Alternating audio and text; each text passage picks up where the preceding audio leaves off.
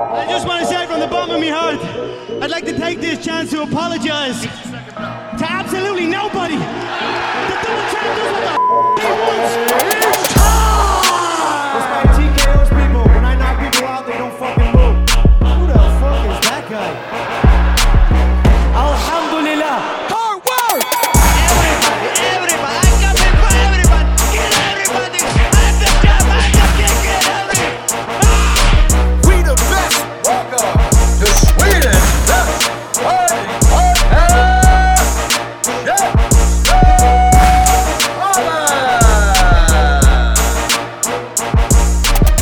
Yes, yes, yes! Vi har ett fullspäckat schema att hugga in i. Dagens agenda, UFC 280, Allstars, vad händer? Tyskland, det fightas! Grabbar, tjejer, välkomna till Käftsmällspodden! Mitt namn är CM Andersson och med mig har jag... Asha Dafori. Allan Leighton. Neil Layton. Och Zeb Zebba. Och nere i källaren, Sebastian Martinez såklart, VIP-platsen i källaren. hej! Jag vill också ha ett artistnamn som är Sepp Seppa, bro. Kom on. Alla, var, är den, eh, var är den tutan? Vi måste ha tutan. Tutan! Tutan, tutan. Där, yes! Reggaeton-tutan. Aj, okej. Det är inspelningsdag, söndag som vanligt. Det har varit alltså snarkigt på UFC-fronten. Det har varit tröttsamt. Men på lördag, då blir det åka av. Ja. Det är, vad säger ni, är det, ska Charles Dubronx försvara sitt bälte eller ska han vinna det igen? Hur ser vi på den här The saken? champion has a name. Ja, det har han faktiskt. Så att, eh, Och Det, det, det, det är alltså, okej, Jag- men det här eh, det är, det vad man vill ska hända eller vad... eh, nej men vad han frågar är så här. är Charles Oliveira mästaren just nu? Ja det är han, absolut, exakt. Men, vad, vad var det? Det var point, champ. point five, eller alltså Ja. vad var det? Det var liksom, och från vad jag har hört han så blev robbed. Ja men exakt, från, från vad jag har hört så, så var det liksom en person som kollade vikten som var lite för mycket av en paragrafryttare. Liksom, alltså han som kollade när han vägde sig, att tydligen så är det ganska vanligt att du liksom Ja. fluktuerar däremellan men han var liksom riktigt så här. "Åh." Rules Men det, are det, rules. Alltså det är ju jättekonstigt eh, rent eh, hela grejen att en shuno står och bara ah, nu, liksom, och ska, ska, det finns den här mänskliga faktorn inblandad i en invägning. Det tycker jag är Mm. jättekonstigt. men har det inte borde ju- Olivera missat tidigare? Jo då, det har han. Men det var han som featherweight eh, han missade, inte som lightweight. Så han, Mm. han hoppade ju Exakt, upp. aldrig som lättvikt. Men, men, men eh, det var, backstoryn till det var ju också att det var någon som hade, du vet så här, någon som inte kunde pounds utan han ville ha det i kilo och då hade de fuckat med scalen backstage som alla fighters använde. Mm. Så därför vägde typ alla vägde point five. Just det. Eh, men i och med att det är titelfight då får inte han ha det extra poundet. Just det. Så, så det var också, det var Du borde ha två vågar, så du har en och sen den andra och då vet du. Mm. Jo, ja Du exakt. kan ju alltid diffa på en våg också liksom. Men, men det, är det inte Jag hörde rimligt också att att, man... Tony Ferguson hade hoppat på vågen och fuckat balansen på något sätt där också. Ja men det, det finns ju massa faktorer som kan spela in, men är det inte rimligt att man kan se exakt vad någon väger?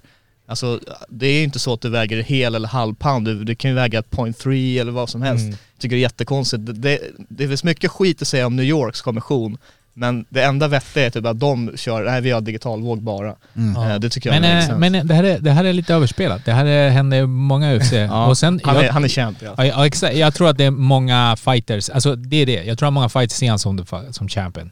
Eh, och sen gick jag ändå in och dominerade en fighter på ett sätt som gjorde att för mig är han fortfarande champion. Ja. Han nästan tände till lite extra efter det där, känns som. Ja. Ja, men det, det, det, alltså, han är ju en sån som har bevisat folk, eh, han har visat eh, att han tillhör vara på toppen. För mig, det här, jag tror inte han, han, han blev, började inte tokgråta över det här, det är väl klart. Eh, det, det är nog mer vi som reagerade på att det var lite orättvist där. Ja. Men eh, nu är han back och Ja. blir champ på riktigt. Och, och, han ska, och han ska ta sig an eh, Islam Makhachev. Grabbar, förtjänar Islam en titelmatch? Vad säger ni? För mig, Tyst där. alltså för, för mig gör. Jag tycker han är... eh, För att han har potentialen att vara någonting extra. Alltså, så till exempel, jag kan, om jag tippar den här fighten på en gång. Om Islam vinner, jag skulle inte bli superförvånad. För det kan visa sig att han, är, han har eh, den stilen som som kommer att bli dominant. Han är också bettingfavorit. Ja men det Ja. där, men det där Det är det där är hype eh, odds. Alltså det, Det är det. det är, och, och det, det är såna här grejer, alltså grejen är, ja han har vunnit 9-10 raka vinster eller någonting, ja men då måste man kolla vilka han mött också. Och som svar på din fråga, ja det gör han väl för att den som får titelchansen, det, är alltid, det har ju att göra med landskapet, hela divisionen. Eh, jag kan säga så här, Benil Doric hade jag tyckt förtjäna chansen mer. Eh, sen skadade han sig, deras match föll isär och sen Abu Dhabi, det är liksom, eh, har med marknadsföringen av eventet att göra sånt där. Eh, så, så jag förstår varför han får chansen, inte det. Men däremot när, att han är favorit mot, mot The Bronx och såna här grejer. Alltså Thiago Moises, Bobby Green, avdankad Dan Hooker och så vidare och så vidare. Det, det, han har inte mött någon i, i topp fem. Jag tror Hooker var sexa, det var det högsta liksom. Och, och det är inte som att Hooker är, känd för att eh, vara jättebra mot sådana brottare och sånt där. Så Men alltså jag, jag tycker han har fått det för att han är Khabibs boy liksom. Ja, ja. Det, det, det är därför. det är därför han är favorit också. Exakt, och det är därför han har fått den här chansen, därför det är upphypning. Det är liksom, han tar lite av Khabibs eh, fame och, och liksom, eh, plattform där. Eh, men som sagt, nu får han ju sin chans. Nu måste han upp till bevis här också. Eh, de har ju varit väldigt, eh, hur säger vi, de har pratat väldigt mycket om Oliveira, vad de ska göra med honom, att det är en lätt match. De ser nästan förbi Oliveira. Eh, sen om det bara är marketing, PR eller om det är det de verkligen tror så tror jag de är inne för en rude awakening. Eh, för Charlie do Bronx kommer för att liksom, nu, nu ska han ju bli champ på riktigt. Fast Ja. vi alla andra ser han som, som champ liksom. Mm. Men för jag menar, det är bara att kolla tillbaka på hans senaste matcher också. Yasin Gaethje, eh, han är mycket mer proven i lightweight än eh, Islam. Han har ju mött alla. Alltså Charles Ja. har ju mött alla i topp fem i princip. Mm. Eh, och eh, det här nya, pånyttfödde Charles är ju en annan fighter än den här de försöker alltid hålla fast vid. Att säga, "Ah, but you lost eight times, du tapped och hit och dit. Men det var då, Mm. Ja men exakt. nu är nu. Det är den här, jag tycker också det är en perf ett perfekt eh, läge, eh, så som landskapet som du sa. Det har varit liksom ganska jam-packed de senaste åren så här, och, och vi har sett liksom en, en, en, en, en generations, alltså ett flöde av Dustin Poirier, Gaethje, att de liksom får titelmatcher om vartannat, liksom 2019, 2018, 2020. Det har varit mycket Gaethje, Poirier, men jag tycker liksom nu nu ser vi liksom så här att Oliveira har gjort sig av med dem och nu ska han ta sig an liksom 90-talisterna. Ja. För att han, han, har- han har tagit de här, alltså man, man kan dela upp dem, så här, eh, alla Gaethje, Khabib, Gaethje, Khabib, Poirier och Connor är alla födda 88.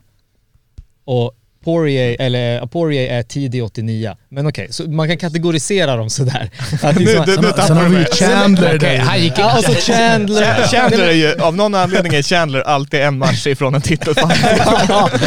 Nej men, men, men det är bara det jag vill paketera är nu att liksom eh, Oliveira han har gjort sig av med de som är födda på 80-talet. Och nu, och nu, och nu liksom är han Next- inne next på, gen. ja nu är han inne på 91an, eh, eh, Islam. Och eh, nu kommer de här nya, Rafael Fiziev, Men det- Gamrot, men det är de här- kommer nu de här Exakt. 90-talisterna. Och det, jag håller med dig och det är just det här som är, jag tycker intressant med Makachev. Alltså att han är det här frågetecknet. Är det här den generationen nu, den nya Khabib? Är han verkligen den nya Khabib? Är han Khabib 2.0? Jag vill se den här. Alltså det här är en fight, eller är han bara, nej han är bara hypad och nu kommer Olivera sätta han på sin plats.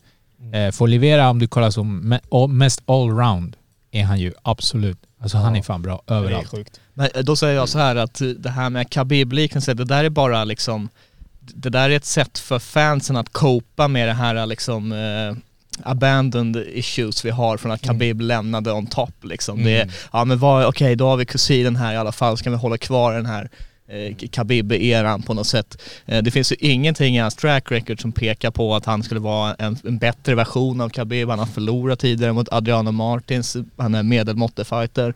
Han har inte varit lika dominant i, han har varit dominant men inte lika så här, eh, inte förlorat en enda rond som, som Khabib. Eh, så att, eh, nej han är väl en, en yngre next generation, alltså sådär men, men eh, men han, har Men- han har sett mänsklig ut. Men, han, Ja, men ja, grejen ja, är att, ja men eh, alltså exakt, nu är det ju här, det är det jag gillar med fighting game, att vi kommer få se sanningen. okej? Eh, du, du gör ju ett påstående. Hela Khabibs camp har ju sagt det här att först blir Khabib champ, Sen var ju planen att sen ska titeln gå vidare. Då vill han att den ska gå till Islam så att den stannar kvar liksom med dem. Och det har de ju planerat. Det är ju så de tänkte. Eh, Jag vet att Khabibs pappa sa ju det till Khabib. Att det är Islam som kommer komma näst. Så de har liksom byggt upp den här... Eh, och nu får vi se om det liksom funkar. För att, att Khabib var en amazing fighter och hans farsa gjorde han till amazing fighter. Eh, och jag har följt Islam typ mycket på YouTube och du ser när han tränar och så här. Och det är ju typ, alltså han gör ju grejer som är amazing hela tiden. Så jag, jag vet inte, jag vill, jag vill se hypen. Jag, jag, köp, jag har köpt mycket av eh, Islam-hypen än så länge. Och eh, det här är ett perfekt tillfälle att visa mig. Och jag, och jag tror också på det där med fathers plan. Eh, att eh, anledningen till att den killen som de också säger är bäst i det där teamet, han med de två farligaste namnen i gamet, Usman Nurmagomedov. Usman Nurmagomedov, Omar Nurmagomedovs lillebrorsa som är lättviktare, han ska ju utmana för Bellator-titeln. Jag tror att det finns en anledning Usman? att... Ja. Är han lightweight? Ja. Okej. Jag tror han ska, jag tror att det ingår i Fathers plan att han inte är i UFC också. Ja. För att eh, det finns videor när han sparras med Islam. Och, är- ja, okej. Ja, men för, här är också grejen så här. Khabib, han gjorde ett namn för sig från ingenstans. Han hade inte liksom språket att bli marketable eller eh, eh, någon form av regional koppling till, till någonting utan han kom in, han körde lite sådana här kaxiga utspel som han dök upp med den här sambo-tröjan, jutsu, ain't shit eller vad fan det var. Mm. Eh, men liksom re, från sina prestationer och självklart recordet som såg tjusigt ut så byggde han sig ett namn över tid. Medan Islam, han får ju mycket gratis här i hypeväg när du tittar, det är kopplingen till Khabib och, och, och eh, Alis trash talk på Twitter och sådana här saker. Så att om man tar bort det här och försöker tänka med vad Islam gjort för att sticka ut, då tror jag många inte riktigt har lika mycket att säga liksom, utan det är alltid någon koppling till Khabib, varför han är bra, men han är ju sin egen person och Verkligen. ja. Alltså, men sen samtidigt, det, det är topp 10 lightweights, det Ja, men, most alltså, stacked alltså, division. för mig är det så här, jag vill se om det hype är real. Uh, får se om det stämmer, som det är så. Alltså, jag, jag kan inte tvivla på vad Khabib sa. Om Khabib säger att den här killen är legit, då får jag gå och nu kommer det bevisas. Men sen om vi pratar vem jag vill vinner, okej, det är så... Jag vill, jag vill att Oliveira vinner. För han är, jag tycker han är den mest dynamiska fightern jag sett på länge. Han gör allt. Han slåss på alla bra sätt. Han är ett bra exempel på, kolla så här kan du tillämpa BJ MMA. Där kan du använda stående clinch. Allt det där tycker jag, han är amazing. Men med det sagt, Oliveira blir träffad.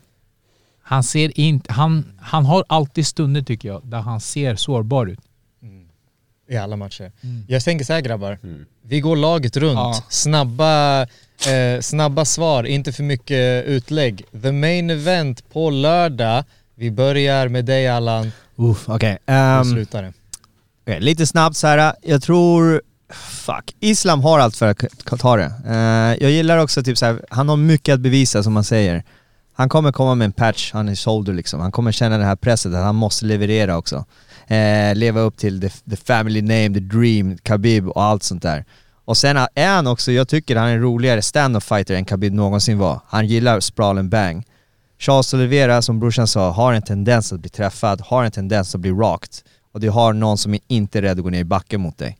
Så in, någon som är inte rädd för att bli i eh, tajta situationer eller gra- ground and pound.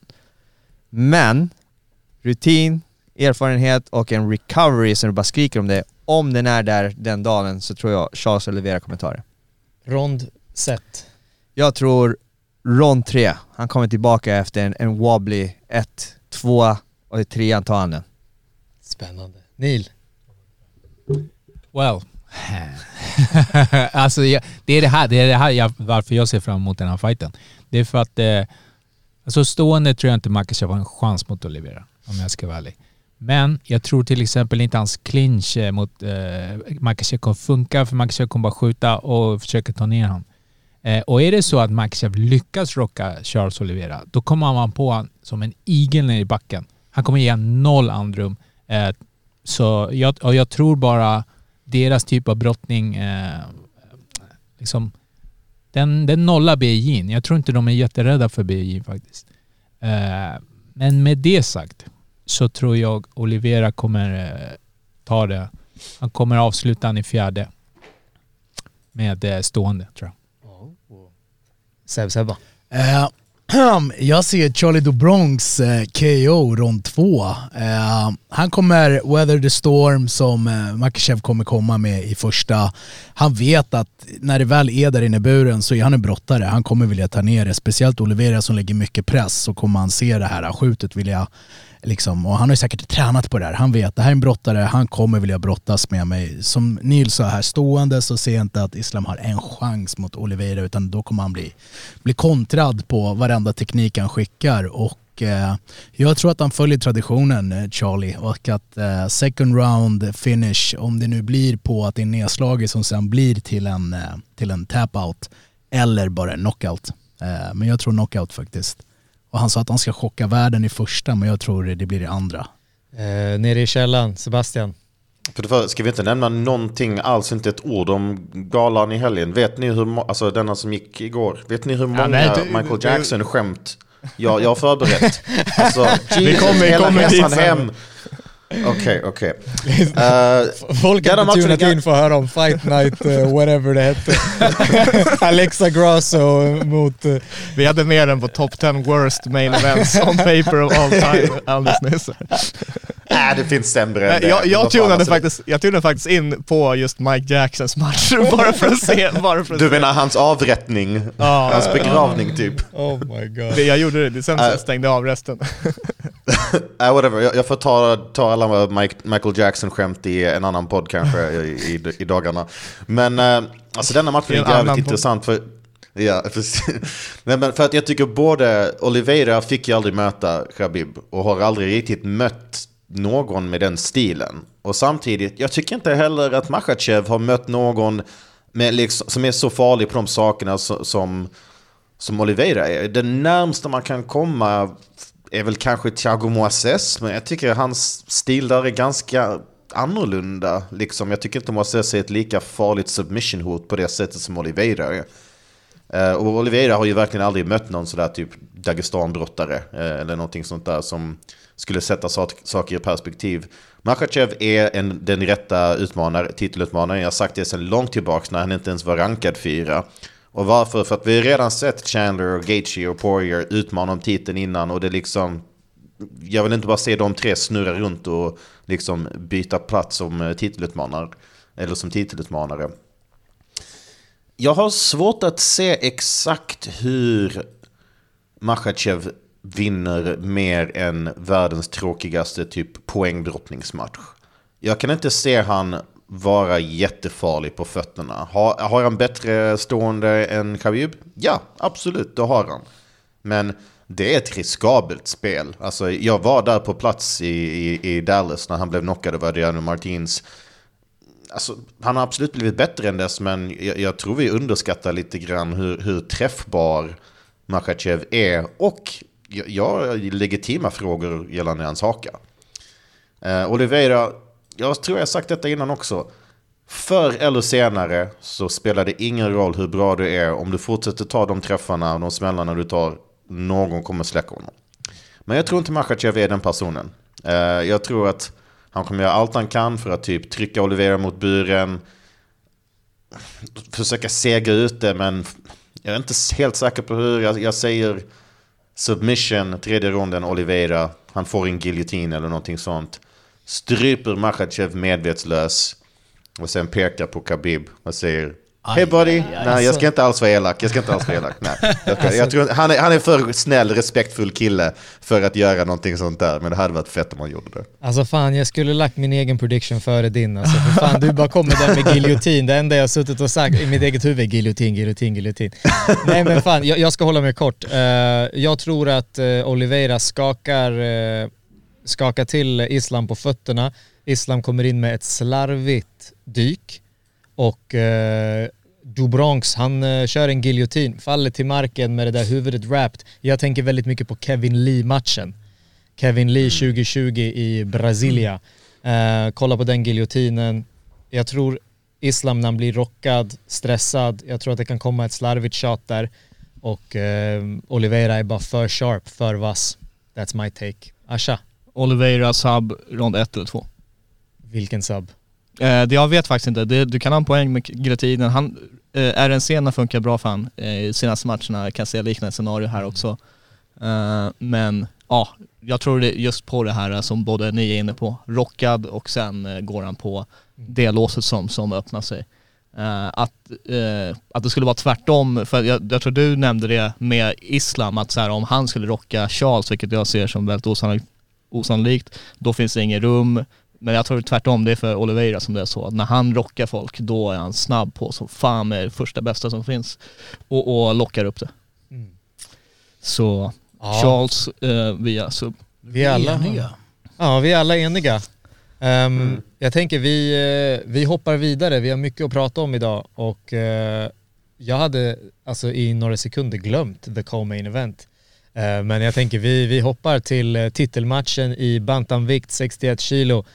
Aljamain Sterling, the Funkmaster, ska försvara bältet mot TJ Pillashaw. Varför har Dillashaw fått den här fighten? Han kom tillbaka, besegrade Corey Sandhagen. Och, Did he though? ja, ja, det är det då. Det beror på vem du frågar. Det, är- alltså, ja, det, det, du har en poäng. Jag, eh, jag kommer inte dö på den kullen. Eh, jag hade definitivt kunnat ge den till, till eh, Corey. Men d- gudarna ändrade ju det där. Corey, alltså Dillashaw skadade sig, Corey fick interim-titelmatchen mot Ja, Jan. exakt. Så jag tänker liksom, vem annars Neil tänker du om inte? Alltså nej, det, det, är inte, det, det är bara att jag är så, här, jag är så jävla kall för, mot Dillashaw. Alltså, ända sen eh, Doping. dopingen och sen allt det här snacket typ att eh, det är ju ingen som verkar gilla han. Alltså egentligen. Nej. Han, han, eh, han, Ja, men jag är asshole deluxe. han, han, han kör ju lite... Han är ju en bra fighter. Han, han, ja exakt. Nej men exakt. Eh, han- Och eh, alltså, han kör för hårt sparring har man hört och han, gör, Mm. han är lite så här, typ, han verkar vara lite av en douche på eh, träningarna. Eh, Han fuckade ju Chris Holdworths eh, karriär. Fick Ja. han att Ja. pensionera sig från MMA helt och hållet. Mm. Exakt, och sen att bli, att bli avstängd just... Eh, han såg så överlägsen. Just den här grejen, det var hans grej du vet. Att han var värsta cardion och han har figured it out hur man kan ha det här oändlig cardio och sen visade det sig att han så, såklart var dopad liksom. Eh, det var otroligt irriterande när det hände. Jag kommer ihåg att alltså, innan dess... Men är det så att de- den, eh, vi säger det, det går aldrig att tvätta av det här med dopinggrejen. Oavsett att han är ren nu så är det ändå liksom Men det- så här. men så jag såg en kommentar för som var så här: jag kommer aldrig respektera någon som har tagit en fucking spruta. Alltså typ, jag tror det är någonting med den här bilden man får upp i huvudet av vad man vet att han faktiskt har gjort som är Mm. så här, andra, bara de har någon dum ursäkt så typ glömmer man det sen, ah, ja Mm. men det var väl någon jävla liksom, eller Tainted eh, Ja men det, kosttillskott. vad som helst, men, men att, jag tror det var hans nackdel, eller det, det hade ju kommit ut ändå, men den formen av doping, det är såhär Lance Armstrong, alltså Ja, ja, det, det är liksom så att, Ja, det, är- det är planerat och, och Ja. medveten doping. Han har suttit där, ska jag dopa mig eller inte? Liksom. Och sen då, då blir det också just som du säger med cardio och allt det här, det, det får gärna undra, även om man har aldrig failat en dopingtest så vet man att man kan ju ducka dopingtester också. Så att eh, det, det, får, det får gärna, jag menar, jag rankade Dillashaw Barao 1 som min favoritmatch of all time och man såg det här paketet med hur de hade kört sitt jävla law of attraction eh, hit och dit och Han I believe in myself. det, han och Och sen så är det såhär, vänta, var det fucking, det, han körde en needle istället liksom? Ja, Eller jag vet ja, inte. ja, ja men exakt. Och det, det är nu som, som du sa nu Sepp, Sebba, där. Har han och Dwayne. Du vet, för att Mm. man, han, han gjorde ju typ, han bytte tränare, han tränade på ett visst sätt och då tänkte man shit, han kanske bara listat ut gamet. Exakt. Förstår du? Ja, det, och det är det. Och Hans, så, hans och, fotarbete som han och Dwayne körde, de körde båda stances, höll på att skifta. han- Man bara wow. han, bara- figured det it out. exakt. Och sen, och sen åker han dit på doping och då blir det liksom så här: okej, så hur mycket var dopingen? Ja. Och grejen är att eh, jag vet att det finns många där ute som är superliberala för det här- med doping och bara alla borde få dopa sig och hela det skitet. Eh, jag köper så här. jag tycker det är helt okej att dopa dig om du eh, har skador som kommer ta jättelång tid under läkarens kontroll. Connor. ja, exakt. Eh, men, Han var den enda fighter som inte hade testats i år. men annars i mitt huvud så blir det, det befläckar ditt namn och det, det, allting. Jag, Ja. jag är inte intresserad. For life, eller hur? Ja, for life. Så, Så lå, det- så låt mig play eh, Devil's Advocate då. Så eh, det är ju det är ju kommit ut spekulation, bland annat Cody Garbrandt sa du har ju tagit, eh, du har hållit på hur länge som Du helst. lärde oss att Du ta steroider eller något sånt Du där. satt, i, du satt inne på toa på Team Alpha Male och liksom tryckte den här skiten så Ja. kom inte att snacka. Um, TJs uh, ursäkt är ju att han skulle droppa ner till 125, han skulle utmana om Henry Cejudos bälte. Han eh, var ju redan väldigt lean på 135 så han började liksom jobba sig ner där med sin eh, strength and conditioning coach, the mad scientist Sam Calavita.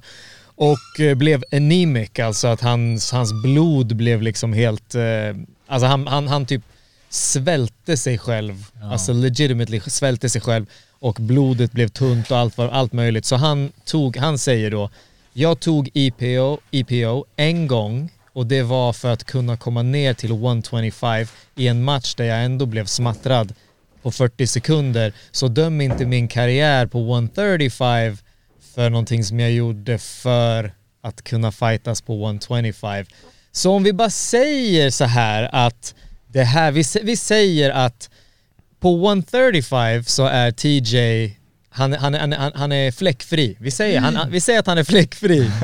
Då har vi ju ändå, ändå en av de bästa of all time i den viktklassen. 100% alltså, men här är grejen att alla kan ju säga att det är första gången och det är ju, jag menar om du frågar allt från dopingkontrollanter till, till drogpoliser eller vad som helst. Alla säger ju alltid att det är extra, ja men precis, Ja. alltså, det finns massa exempel. Så, så att du ens behöver ha den diskussionen, då, då har du förlorat den redan för att det, det spelar ingen roll, fler kommer att tro att han har gjort det. det Och, vet- och vet, du, vet du vad jag tänker? sen är han den bästa of all time, så eh, ändå. Så Men jag för- tror han kommer vinna. För, för mig, det jag tänker är att jag bryr mig inte. Alltså, det är inte min uppgift. Jag vill bara se två människor slåss. Det är inte min uppgift att veta vad fan du åt, vad du gjorde, hur du tränar. Alltså egentligen, eh, typ att du, du, du får inte dopa det. Det står i reglerna.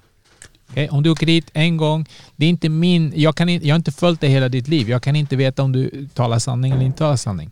Men så fort du åkte dit, ja, då räknar jag bara med det kan ju hänt när som helst. Precis. Och, och det, det är därför det blir så befläckat. Och Liksom. med största sannolikhet så har det hänt alltså, flera gånger innan. Alltså, skulle du bryta ner det statistiskt så är det väl större odds för det. Eller lägre odds eller vad man säger. Alltså i och med att just då blev han kat, men vad fan är oddsen att det var just när han blev kat som han provade för första gången? Alltså det, det låter Men det som var ju just då han skulle ner till försvaret, 125. va? Ja, ja. Han har ju aldrig testat 125 Nej men han har alltid sett ut som en freak, eh, alltså eh, vad heter det?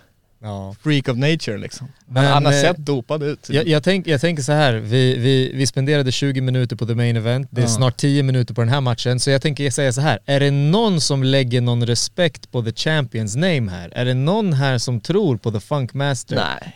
The human backpack, Aljamain Sterling, Sebbe i källan, Allan på micken. Är det någon som tror på Jag tror på Sterling, absolut. Men någonting så här som jag tänkte på brorsan sa tidigare, det här varför får TJ den här chansen och inte bara för Corey Sandhagen. Men det är på något sätt, i mitt huvud, det är typ bättre story. Förstår du? Om TJ skulle vinna det här nu, det skulle bli så jävla mycket så här, vem ska han möta nu? Skitmånga kommer vilja möta honom. Det kommer sälja så jävla mycket mer tickets om han tar det. Mm. Men däremot, jag tror på Aljamain, jag tror på Aljo, han är så jävla stark. Och det han gjorde mot Peter Young nu senast, att han bara gameplayade honom och vann på alla points. Mm. Sen så tror jag om Var nu... inte det ett split decision? Ja men han gjorde det smart bara. Peter Young är också en jäkligt teknisk fighter. Han kör schack med dig men han äh, äh, listar ut honom. Sen det jag tror med TJ är, det är ju så här om han inte har sin EPO nu, han kommer gasa. Det kommer vi- visa honom. För att det är ju det, så jag har alltid ifrågasatt typ eh, hur hans jävla cardio, han kattade så mycket, han kunde köra så hårt och han typ dominerar Barao med till exempel om man tar med, med kondisen. Men nu liksom, för mot Cordis, Corey så såg han ändå så här, hmm, lite lite, Jag han blev cut, han Ja. blev fucked. Han blev, han, och han, eh, han fuckade upp korsbandet. Han fuckade Så, upp korsbandet. och, och, och grejen är att fucka korsbandet vid 36, Mm. det är en annan grej än att fucka korsbandet vid 26. Så nu ska du komma tillbaka till en titelmatch mot ändå en Aljo som är the legit champ. Det var mycket snack innan, men han, han har kommit tillbaka nu och liksom ändå visat att jag, är, jag är the champ. Och som jag skrev i våran eh, älskade grupp, jag tror att brottaren TJ Dillashaw kommer att ge upp ryggen när han ska ställa sig upp efter en nedtagning. Där åker hookarna in, Algermain Sterling, rear naked choke and still. Mm. jag tror, jag tror Dillashaw, alltså man måste tänka på också det var lång frånvaro och allt det här, ringrost kan ha spelat en faktor mot Sandhagen. Sandhagen är jävligt bra, svår, klurig motståndare. Eh, en av de klurigaste i bantamvikten. Eh, så att, eh, men annars om du tittar på hela track record, jag tror inte att, att i slutändan tror jag inte kommer se jättes, man kommer inte se så här att han är du vet en post USADA eh, Hendrix helt Nej. plötsligt nu liksom utan eh, han kommer in och jag ser Sterling som en av de svagare champsen i, i 135 Eh, man nu är det inte det här Oscars-skämten längre eftersom han ändå vann rematchen men fortfarande det var kontroversiellt domslut och sådär och, så att jag ser inte Sterling än, ännu som en eh, jättedominant champ utan eh, Dillashaw han har track record, han har varit en av de bästa sen innan, tror han fortsätter på den resan nu. Tror jag. Vem tippar du Sebbe? Eh, jag säger så här. jag tror att Dillashaw är för, för, hur säger vi, för rörlig, för bra blick på fötterna för Aljamain som kommer vilja eh, göra det här till en liksom clinch fight. Eh, och jag, jag tror inte dock att Dillashaw hittar avslutet, jag tror i så fall det blir en decision. Mm. Att, han, att han vinner det här på, på, på en decision. Rätt så händelserik match där Aljamain vill, vill få ner den här eh, matchen på golvet och Ja. ja. Dillashaw håller det på fötterna och försöker pricka med sin boxning. Sterling Ja. vinner säkert någon rond eh, eh, med genom att köra backpacking-stilen sånt där. Mm. Men eh, Backpack-stilen. ja, men, det låter så jävla kul. Nej, men han är ju han är fan mästare på att fighter. dominera, så här, få 10-8 ronder på att bara ligga på någon. Alltså det, för Mm. att han, han, de kommer ingen vart. Men jag tror inte, jag tror Dilla kör jävligt eh, försiktig med att skjuta i den här matchen. Så att uh, striking. Hur låter det nere i Malmö? Alltså jag kan säga att CM, du har faktiskt övertygat mig om att Sterling egentligen borde kunna ta detta. Dels såklart alltså återkomsten efter, som du sa, korsbandet och allt det där och inaktivitet. Ovanpå det att, alltså visst, Dillashaw, visst han, han tränade ju på Alpha Male innan. Så uppenbarligen har han tränat med väldigt många bra brottare. Men har han verkligen mött någon i UFC som har den nivån av brottning som Sterling har? Alltså man kan ju säga kanske Cruz, men Cruz har en ganska annorlunda stil. Och kom ihåg, Cruz vann den matchen mot Dillashaw. Och sen den matchen som Dillashaw förlorade innan dess, Rafael Assunção, Did he som though? en mästare. Ah, ja, Okej, inte riktigt. Men Assunção gjorde nog för att övertyga domarna och Assunção är mästare på att tråka till sig ett domslut. Han får spännande fighters att se astråkiga ut. Och jag skulle inte bli förvånad om Sterling kör lite av Sonsau-grejen. Alltså han, det, jag tror inte att om Sterling vinner att det blir en jätteunderhållande match på det sättet. Men jag tror faktiskt han har vad som krävs för att stänga ner Dillashaws bästa vapen. Jag menar, när- när- jag, jag, jag kan inte riktigt, jag kan absolut se Dillashaw vinna på avslut, liksom brutal knockout. Men desto mer jag tänker på det, fan alltså jag tror att Sterling, han har ändå vunnit min respekt med förra Jan-matchen. Innan dess, nej, då var jag, då var jag liksom på Oscarsgalan skämt var, varenda gång han togs upp. Men jag blev faktiskt övertygad senast. Alltså han, han, han är dedikerad som fan. Han är så bra i toppkontroll. Han är jättebra på att liksom an, alltså vara tung på rätt ställen, på att använda sin vikt på rätt sätt. Och jag är inte hundra på om han tar en submission, men jag tror han kan göra nog för att vinna tre av fem ronder. Ja. ja, det är den. Jag är inte jättesäker på ifall Aljo faktiskt kan strypa ut och avsluta eh, TJ. Men mm, ja, alltså så vass som han var mot Corey den där gången, alltså jag tror att det kan bli, eh, jag tror att det kan bli farligt alltså. Um, Mm. Är det nå- någon, någon som har någon mer eh, hot take på matchen eller ska vi hoppa till the number one contender fight i samma kan hoppa. division och... Eh, mm?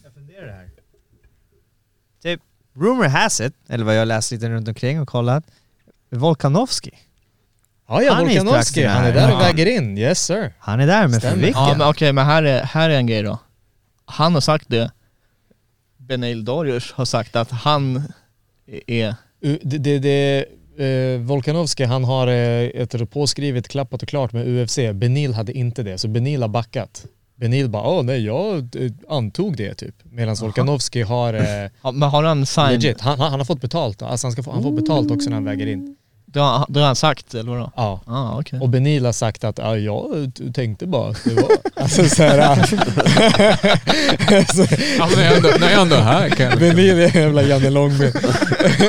men men eh, Allan, hade, hade du något... något, något eh, Nej, det var bara det jag funderade på. Ja. Liksom, för då hamnar han ju på uh, Charles Oliveira-bältet och inte på uh, deras va? Ja precis, det är fe- 55 ja. Precis, det var det jag bara stod och funderade på. ja. Nej, så Alex Volkanovski eh, som snabbt har blivit en av mina favoriter alltså. Ja, hans senaste mentalitet. matchen gjorde mycket fall alltså. Ja, och hans, Mm. hans, eh, hans inställning till gamet Ja. eh, också. Det är jävligt fett. Och jag, han, han, han hade också en, han hade också en ball historia med typ hur han var så här, eh, hade barn och bara så ska, ska jag lägga av, jag tjänar inga pengar, bla bla bla. Och sen så bara gick det bra. Eh, men eh, Nej, han är kung faktiskt. han är kung. Han vill ha champ champ Det här, status. det här är, Ja. det här är en eh, lite eh, Olivera Makachev fight. Det är en sån superhypad eh, Sean O'Malley Mm. som ska få visa om han eh, tillhör övre skiktet liksom. Och det, här, här tror jag att jag är i minoritet med vad jag tycker. Så? Eh, men jag, jag har ju, jag har ju en, en, en, en riktig, alltså så här, alltså jag kan ju lay out. Jag kan väl börja bara för att jag, för att jag känner att det är ingen som håller med mig i det här rummet. Och inte nere i Malmö heller. Men eh, jag tror att nummer 12, Sean O'Malley, kommer att besegra Piotr Jan Decision, kontroversiellt. 2-1 2-1 i ronder. Lyssna på det här. Det Lyssna på det här. alltså. Tre, tre ronders matcher. Inte Peter Jans Nej. kopp med te. Peter Jan ska läsa av, han ska vara långsam, han ska torska första ronden. Sean O'Malley, självsäker, explosiv, snabb, jobbig att möta, lång, rangy motherfucker.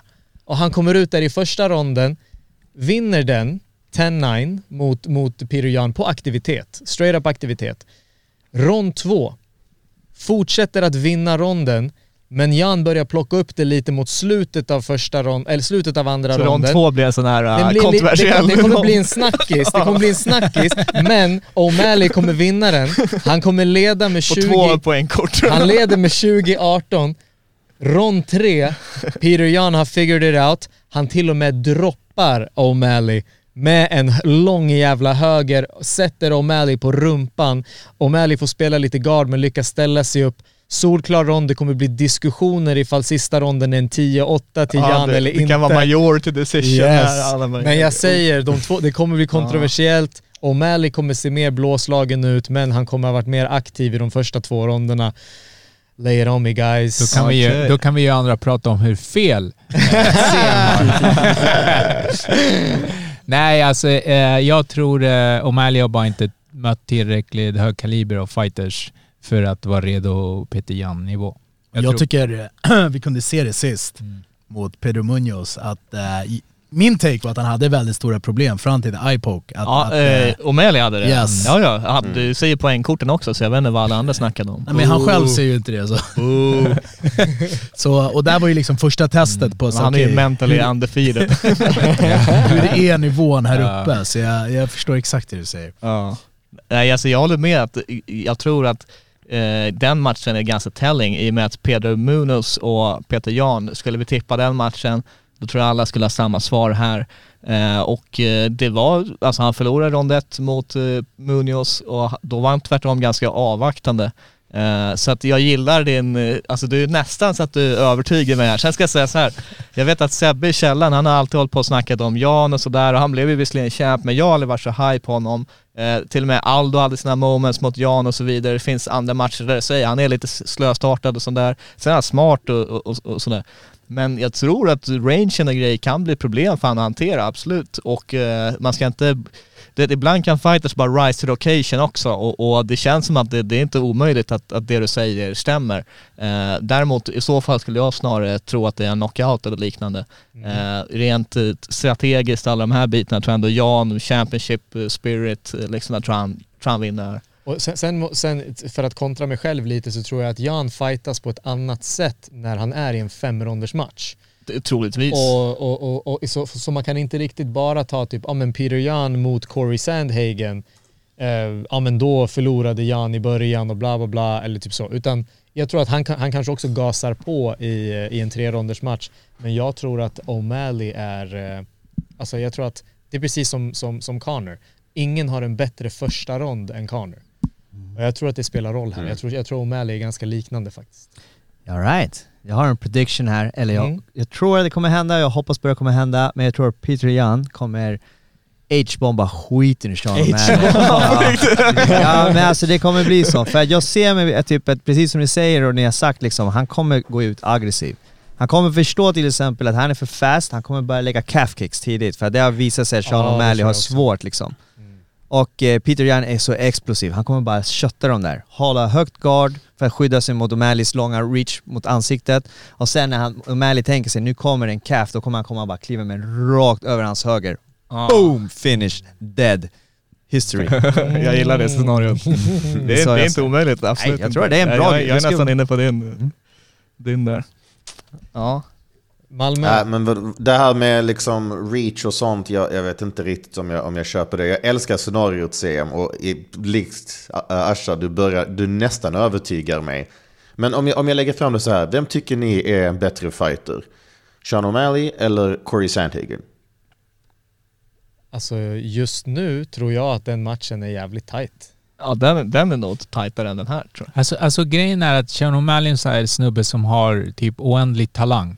Och om han kan eh, liksom få ut det, då är han en world beater. Alltså då är han eh, amazing. Men det, det, det, det finns ju, alltså game, gamet har så olika aspekter. Alltså rent typ teknik och dynamik och vad han gör och när han är på G, när han är på 100% då är han säkert eh, amazing. Frågan är hur ofta han kan nå de nivåerna. Jag tycker... Ja, men har han någonsin visat det mot, mot något riktigt toppmotstånd? Alltså han har ju inte ens riktigt mött toppmotstånd i den utsträckningen. Närmast han kommer Pedro Munoz, han kunde inte vara riktigt fantastisk där. Han kunde inte ta en tydlig ledning på samma sätt. Och jag kan köpa, alltså hade det varit fem ronder, fem ronders match, 100% Jan. Alltså jag hade inte haft något tvivel överhuvudtaget. Men om man kollar på poängkorten från Jan mot eh, uh, Sandhagen. Han förlorar första ronden, men sen vinner varenda rond efter det hos alla tre poängdomare. Inga problem i andra ronden. Jag tror att det scenariot som CM säger kommer att hända i alltså första ronden. Men att precis när man börjar tänka oh shit, detta kanske blir en helt annan match så kommer Jan in i andra ronden och han har listat ut det. För att jag tyckte han hanterade Sandhagens uh, eh, räckvidd ganska bra.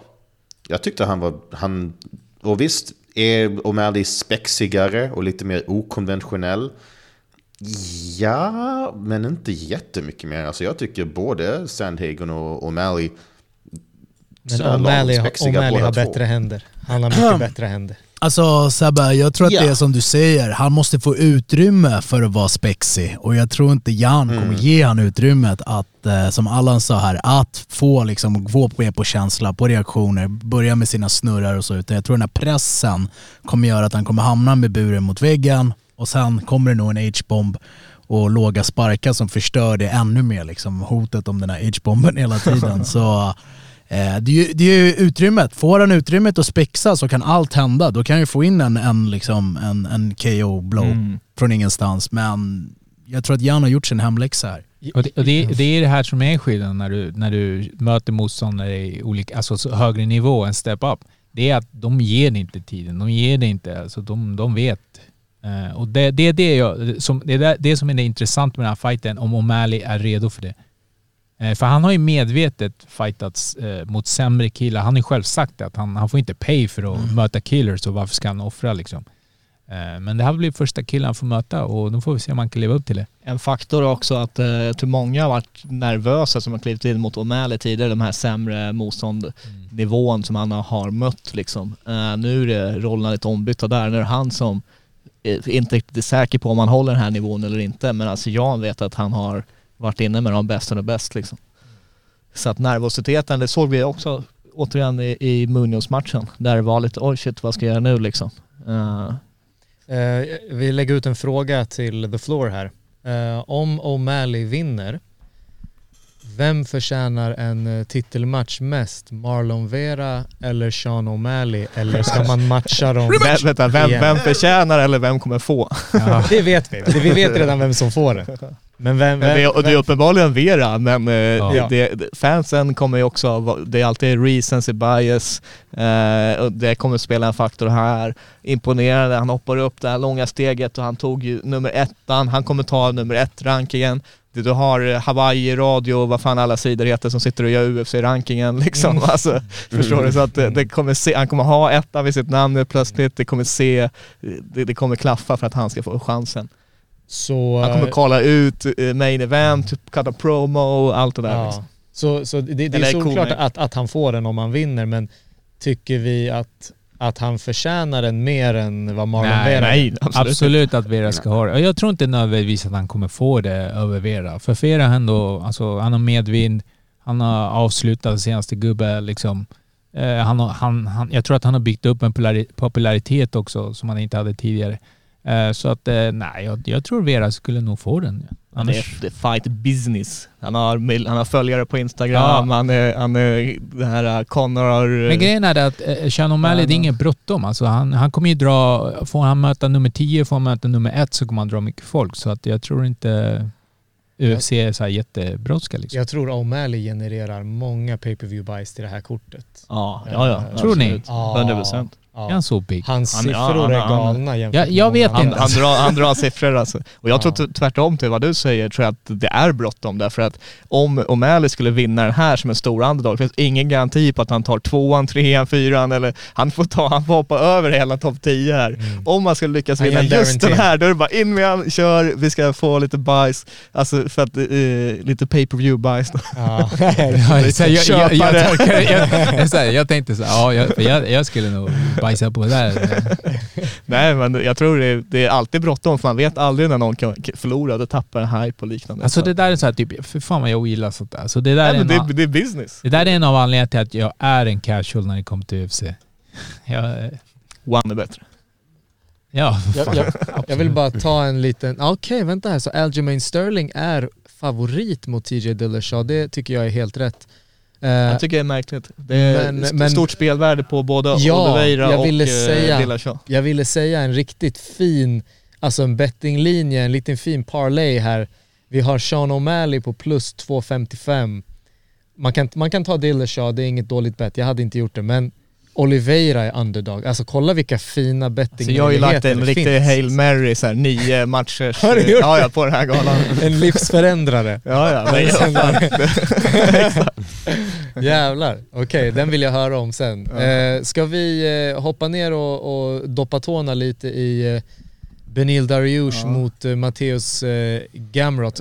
Gamrot har de, eh, alltså han var ändå mästare i KSV men shit vad de har pushat upp honom till Ja, men eh, det- toppen fort. det är spännande match där alltså. och det är, Jag blir jävligt sur när jag ser Gamrot i de här matcherna just eftersom att det som svensk var såhär Goran vann mot Ja. honom, vad fan, och sen så skadade han sig och sen Ja. blev han fuckad arguably i senaste matchen eh, medan Gamrot har, har, han har flyt så att Men det, det är spännande match Darius eh, tror jag vinner dock. Han, han, eh, han, han är en killer alltså. ja, men han är ju en sån där som potentiellt hade kunnat fått eh, gå liksom. han, han var bokad mot Ja. Islam och sen så på grund av skada och liknande så, så hände Där det har du också ett superintressant möte. Alltså Ja. han mot Islam. Ja, ja. Eh, De skulle ju slåss om den här chansen och sen Mm. så vart det bara liksom.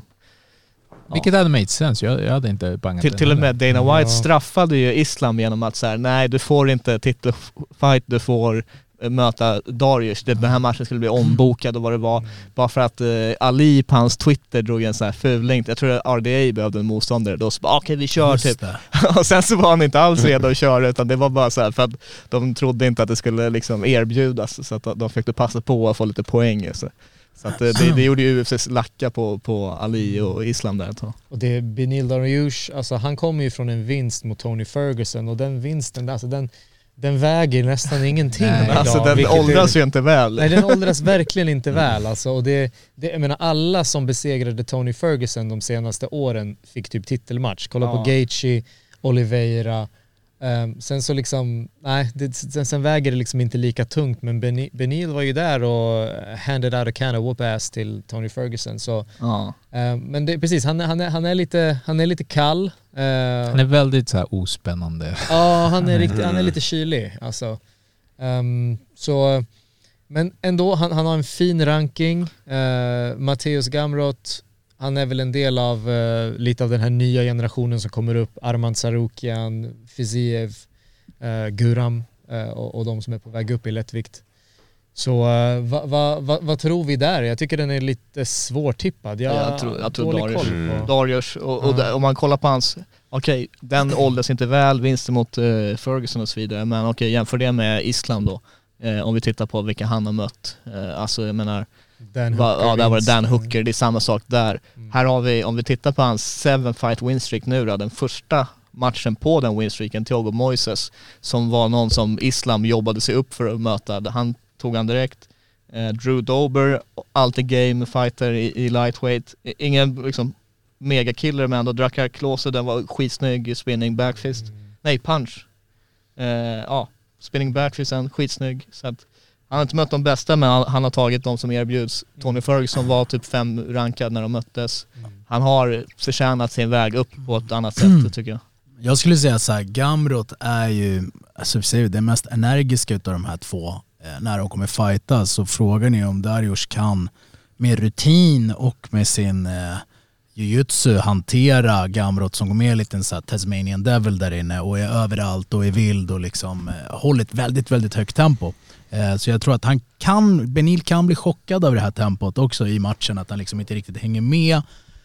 Så det är upp till han och liksom med rutinen där, kan han stänga ner Gamrot, ligga på honom på topp, trötta ut han och, och på den vägen kanske vinna decision eller submission tror jag. Men jag tror stående så är Darius, han är lite öppen, kanske inte den snabbaste eh, och där tror jag Gamrot har sina chanser i strikingen. Att han är lite mer snabbare, lite avig och liksom det här vilda eh, och kan få in någon, någon träff på honom. Det känns som att Gamlet ofta, ofta går väl hans gameplans ut på att dyka. Ja, Alltså men mot lite grisigt Goran, ja Det- liksom, även senast, det var det kontroversiellt mot den här... äh, Vem det, Saryuken. äh, Ja precis, Mm. Arman. Eh, som, då blev ju Gamlet rockad om inte jag missminner mig och sådär. Mhm. Darius, han, han har ju avig stil han med, men han har ju flera gånger som han vinner på knockout och, och out cold blir hans motståndare liksom.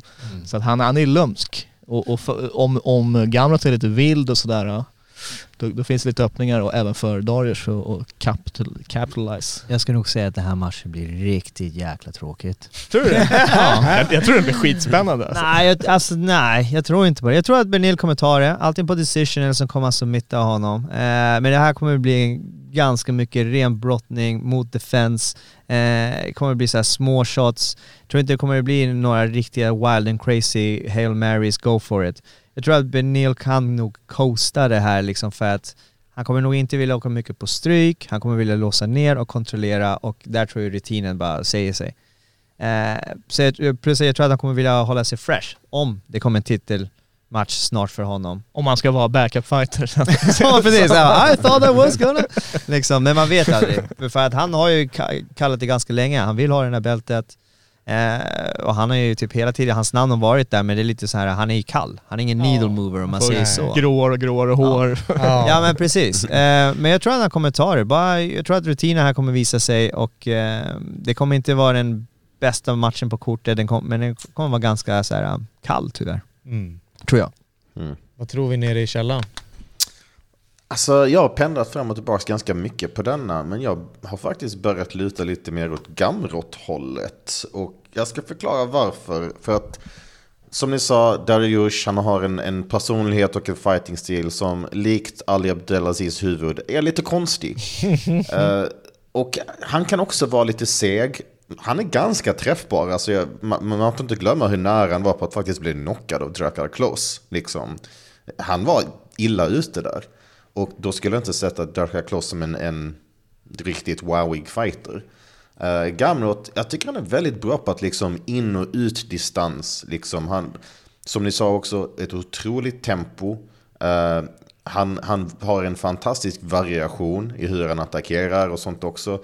Jag tyckte personligen att eh, Sarjukian vann när de möttes, men det var en match som var så jämn att man kan inte klaga. Liksom. Det, det var verkligen, det, det var typ ett slag här, ett slag där som det avgjordes på.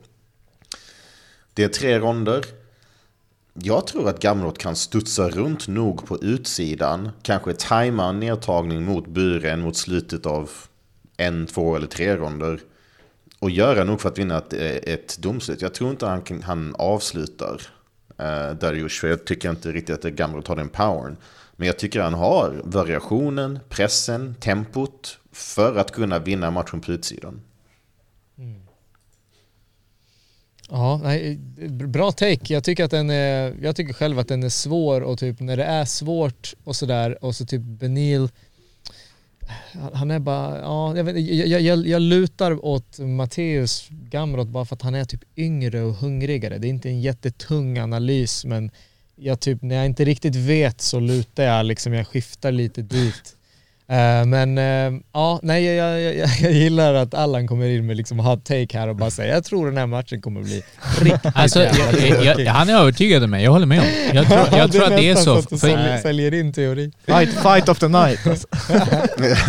Nej, på Och plus vi får inte glömma MMA-matte som alltid, alltid funkar såklart. Benel Dariush gick split decision mot Diego Ferreira. Matteus Gamrot fick Ferreira att tappa till slag. Men, men det var rematch. Han, han har vunnit Ja. bara två gånger. Har han inte? Har han inte? Ja, men han har inte avslutat honom. Nej, men jag tror han vann tydligare första gången. Ja, men det var också alltså, en Ferreira. Någon här är jätteimponerad av Diego Ferreira. Ja, men han var ändå, han var rankad. Han, han, eh, vi, vi såg han besegra Pettis, då, och när Pettis var, var, var bra då. Så han, var- han var Ja, ändå jag tyckte inte riktigt i... Pettis var bra då. Uh, det, detta var liksom 2020 Pettis. Jag, jag skulle inte sätta den jättehögt upp egentligen. Nej. Jag tycker inte riktigt... Uh, eh. Jag, tycker, Alltså, jag, jag tror jag bara tycker synd om eh, Darius, att han, han får möta liksom nionde rankade nya killen från Polen medan Island får titelchansen på samma matchkort Ja. när de alldeles nyss skulle köra contender fight. Han, är, han har inte råd åldersmässigt att bli skadad, han knäskadar sig eller vad han gjorde. Så att, nej, jag, jag, jag är team Darius i ren sympati här.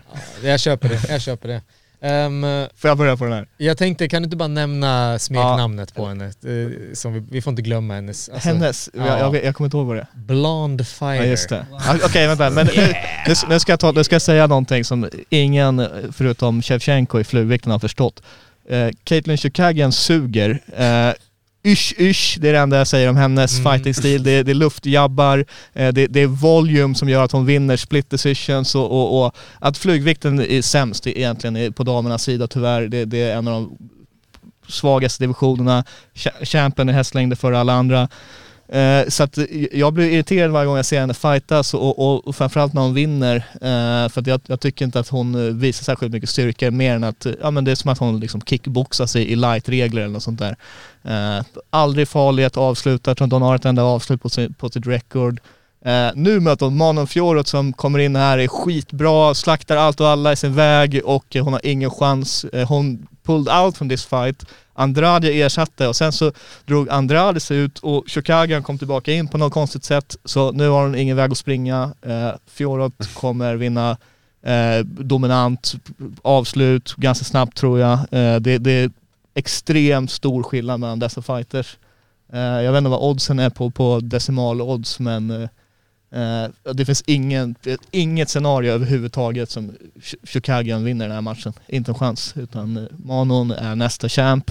Okej, Kan det kan bli så. okej. Eh, Helt Eller- rätt. eller Fan, det mest åtminstone- spännande med Chukegi är att hon kommer in till DMX lite då och då. Annars hennes fighting-stil, hennes personlighet, hennes smeknamn. Vad fan alltså, det är som att ta tre, tre atarax. Alltså, ja, smeknamnet är så här, vad, vad håller vi på med Ja, egentligen? nej, Ja. men och för sig jag måste backa lite. Jag kan inte lova att, att Fior kommer bli nästa champ. Hon kommer åtminstone ge Shevchenko en fight om inte annat. Ja. Eh, framförallt med tanke på senaste matchen vi såg också. Så att, eh, men, men hon är nästa contender utan tvekan. Det här matchen som tar henne dit och Chukagian är, hon är, hon är inte, hon är inte den som stoppar, stoppar tåget. Mm. Nej. Grabbar, det är bara, det är, det är bara att köra. Jag är inte Jag har påläst eh, här. noll eh, intresse av... eh, Det här är snark för mig också. ska, speciellt när jag, när jag tittar vidare på uh, prelimsen. Ja, a bunch of misogynists här grabbar. Eh. Så nu, Ja, vi, vi, vi, Nej, nej men, alltså, det, och, men det där vill jag säga. Eh, hade det stått eh, Shevchenko eller Amanda Nunes eller något sånt där, då hade jag kunnat babbla en halvtimme. Men Ja. det här är inte spännande. Men kolla, på, kolla på Manon, hon har vunnit, varit champ i varenda organisation Ja. han har Nej, kört. exakt. Alltså hon är, hon är Mm. Du, fucking du tung, sålde alltså. Hon matchen mig, så bra. nu är Ja, jag bra. intresserad bara för ja, att se jag henne. vill också se Fioro, jag vill se hennes... Fioro. eh, Fioro. Jag vill se hennes... Eh, hennes fighting. Han sa att hon skulle bli champ. Han sa att Ja, hon... jag menar- Ja, men, ja, men, det- jag, jag, jag, men, eh, jag, jag gick händelserna i förväg där lite, men, men alltså, så här, jag blir inte alls förvånad. eh, och kanske att jag lägger en slant på det om, om, det, så, om, om, det, om det dyks upp en titelfight där. Men uh, Shevchenko är ändå fucking, hon är djur också så att Ja. man vet aldrig. Men, jag har en fråga till Asha. Ja. Vad är du mer, vad är du slash var du mer säker på? Att Gaethje skulle ta Khabib, vilket du var jättesäker på, Nej, det- eller att Fiorot ska bli champ? Vet du vad, nu ska jag säga en sak. Eh, när jag gick in i, i den här En annan podcast eh, och eh, sa att Gage skulle vinna, jag var på väg dit, jag bara, vet du vad, jag ska podda, det kommer vara fem, sex i studion och vad vi var, det var Jycken, det var Seb, Sebba och alla möjliga. Och jag bara, ingen kommer vara rolig nog att, att gå emot strömmen. Alla kommer säga samma sak som alla redan vet. Så jag, jag valde att gå emot strömmen för komiks, komisk effekt i den här podden, okej? jag tog ett beslut på vägen dit och eh, jag run with it och sen om det väl skulle hänt, då skulle jag vara den enda som hade rätt. Så att, eh, eh, Och men- det har han fått leva med Ja. till this day. Ja, exakt. Vet du vad, jag respekterar det som fan Ash. Alltså. Det, det måste vara content, kom igen. Ja, ja, jag, jag, jag kan, som eh, en fellow clickbait-journalist så kan jag Exakt, absolut exakt. respektera You know det the där. game ja. bro, you know, know game. exakt. Kan, kan jag bara put it out att jag hoppas att Belal Mohammed förlorar eh, på prelims. Det kommer tyvärr inte hända. Jag hoppas också det, men det Nej, kommer men tyvärr Sean inte Brady, hända. han För är- Brady, Han är tung. han är sjukt överskattad. Men Han är, Va? han, Är han, han överskattad? han, han, Ja. har sett bra ut. Han är väl 15-0 och liksom har väl... Eller? Han har sett, sett bra ut. Be- Alltså Ja, Belal, okej, alltså, det här är två extremt tråkiga fighters som möts, för det första. Men det grejen är, Belal, han har jävligt, alltså han är tråkig som fan, men han har skitbra försvar. Alltså hans brottningsförsvar är jättebra. men han är ju bra på allt två- det tråkigaste i MMA. Alltså det, Exakt, ja, ja absolut. Mm. Det är därför detta kommer bli en riktigt dålig match och, Ja. jag är glad att den flyttades från huvudkortet. Här har vi en kall Men, match. det, här är en men eftersom Mohammed är så bra på att försvara nedtagningar och jag tror, alltså han är ändå bra nog på att typ hålla en lite tråkig distans. Inte för att han har sådär wow shit vilka combos han slänger, men bara för att liksom han kan dabba ut lite grann. Han har ändå bättre striking. Eh, uh, för att Brady har typ noll striking. Så tyvärr kommer Bilal Muhammad vinna. Men eh, jag, jag hoppas på att han typ halkar och liksom gör sig själv lite halvgroggy och sen eh, så, så fångar. Brady en giljotin iPhone. Och domaren tror att det är ett slag. Att det är ett slag. Steve Massagari-grejer alltså. Vänta, har, ni- har ni Och sett så blir det samma öga också. Har, har ni, ja, just, ja just det. Har ni, har ni sett det här klippet som sprids nu när eh, Belal, eh, Belal går med Chase Ho- Hooper. Eh, ett fan stoppar dem. Eh, vill ha en bild med Chase Hooper och ber Belal ta bilden.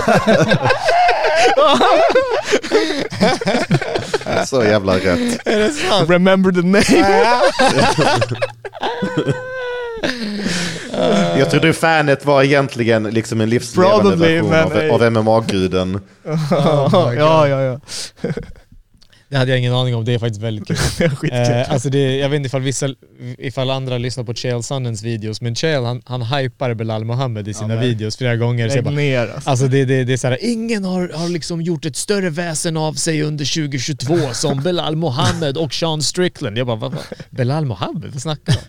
Eh, Men eh, nej, jag, jag, eh, jag vet inte om jag håller med om att Sean Brady är överskattad. Jag, jag har inte riktigt reflekterat kring det, men det, jag hoppas att Brady kommer in med lite nytt blod. Ehm, han, eh, jag hade gärna sett Brady mot liksom någon av de här uh, tuffa grabbarna uppe där i vältevikt. Uh, jag hade gärna sett honom move up faktiskt.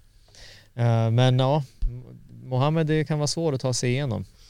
Säger ni grabbar någonting mer att lägga till eller hoppar vi vidare? Nej. Nej. Jag tyckte, det, tyckte det var en bra avslutning på prelimsen där liksom med Belal Mohammed. Jag tror inte han passar det just nu i the upper. Men det är en bra. I huvudkortet menar Ja, du? men precis. Ja, alltså de, sen, sen så är ju först, sista matchen i the prelims är ju, är ju en bra, bra position eh, tv-mässigt och sådär. Det brukar ju vara gratis, eller det är, det är gratis för dem att titta på i USA och sen så får de, de ska ju sälja in betalkortet sen. Eh, Dålig jag tror- planering för ja, fansen som kollar kommer ju somna. Ja, Flyttat upp Volkan Exakt. och Nikita istället. mm. Eh, men innan dess så har vi eh, Kayo Boraljo som har väl varit här på Käftsmällspodden va? för fan. Eh, Mot Uzbekistans Mahmoud Muradov. Visst är, visst är Muradov typ sponsrad av Mayweather eller något sånt där? Är inte det hans... Ja, det, han är en del av protege? Money Team. Alltså, TNT. man Och Mayweather som har så jättebra koll på MMA har gått ut och sagt att Muradov är den bästa MMA-fightern i världen, vilket Ja, vi såklart vet inte Och han vet. Han vet. Ja, exakt. Han kan. Eh, nej, Kajo är eh, supergrym, eh, supertrevlig människa. Man gillar honom på en gång. Eh, så Mhm. typ, jag kan börja rakt av och bara, jag är fett partisk, jag är på hans sida 100%.